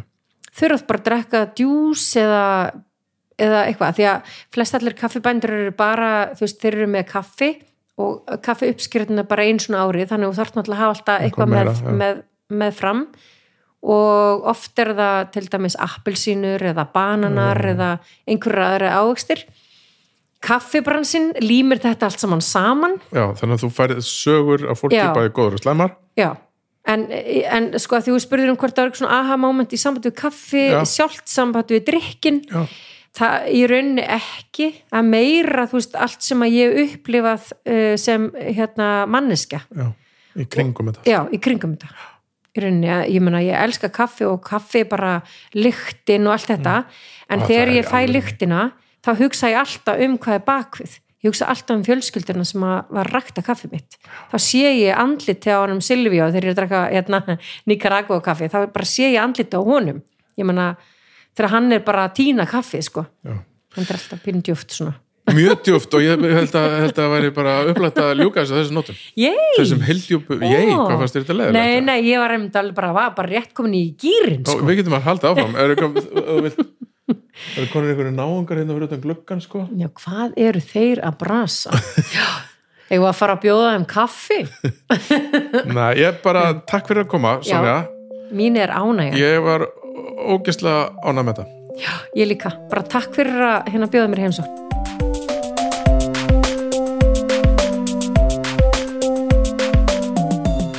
Já, þetta var sem sagt spjallið okkar Sonju sem fór fram um daginn. Ég vonu ykkur að fundist þetta jafn skemmtilegt á mér, það er nú til miklu leðilega fólk til að tala við heldur en Sonja Grant, sko. Sko, við tölum um, um þriðjukynnslóðar kaffi og þriðjukynnslóðar kaffihús og það kannski var ekki útskýrt alveg nógu vel hvað það er, en það er Það er snýst basically um sko að þetta er svona hreyfing kaffifólks, neytendur og framleiðendur sem að vilja búa til og njóta hágjaða kaffis.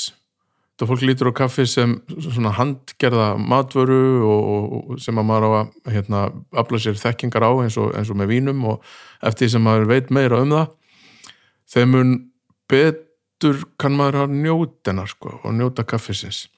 Og, og sko snýst líka um að koma þessari þekkingu á þeirri vöru sem er í bollaniðunum til þín sko, alveg frá og sé hægt að rekja það alveg frá bollanum og, og að þeim sem ræktar áherstin eitthvað eins og leið sko. En sko Sonja er frábær og hún er með kaffibrennslu út á Granda, kaffibrukkúsið hveti ykkur til þess að kíkja þáka og kasta á hana hverju, kaupa ykkur frábært kaffi og ég er alveg 100% vissum og hún er til ég að segja ykkur sögur af einhverjum kaffibændum í Íþjóppíu sem hún þekkir og fjölskyldónum þeirra og, og jafnvel meirum þess að þriðu kjenslu en með það segi ég takk fyrir í byli minni á alla þætti hljóðkirkjunar endilega hlustið á það og ég hlakka til að koma með nýjan þátt, nýtt viðtal við fleiri fólk í næstu viku. Takk, bless.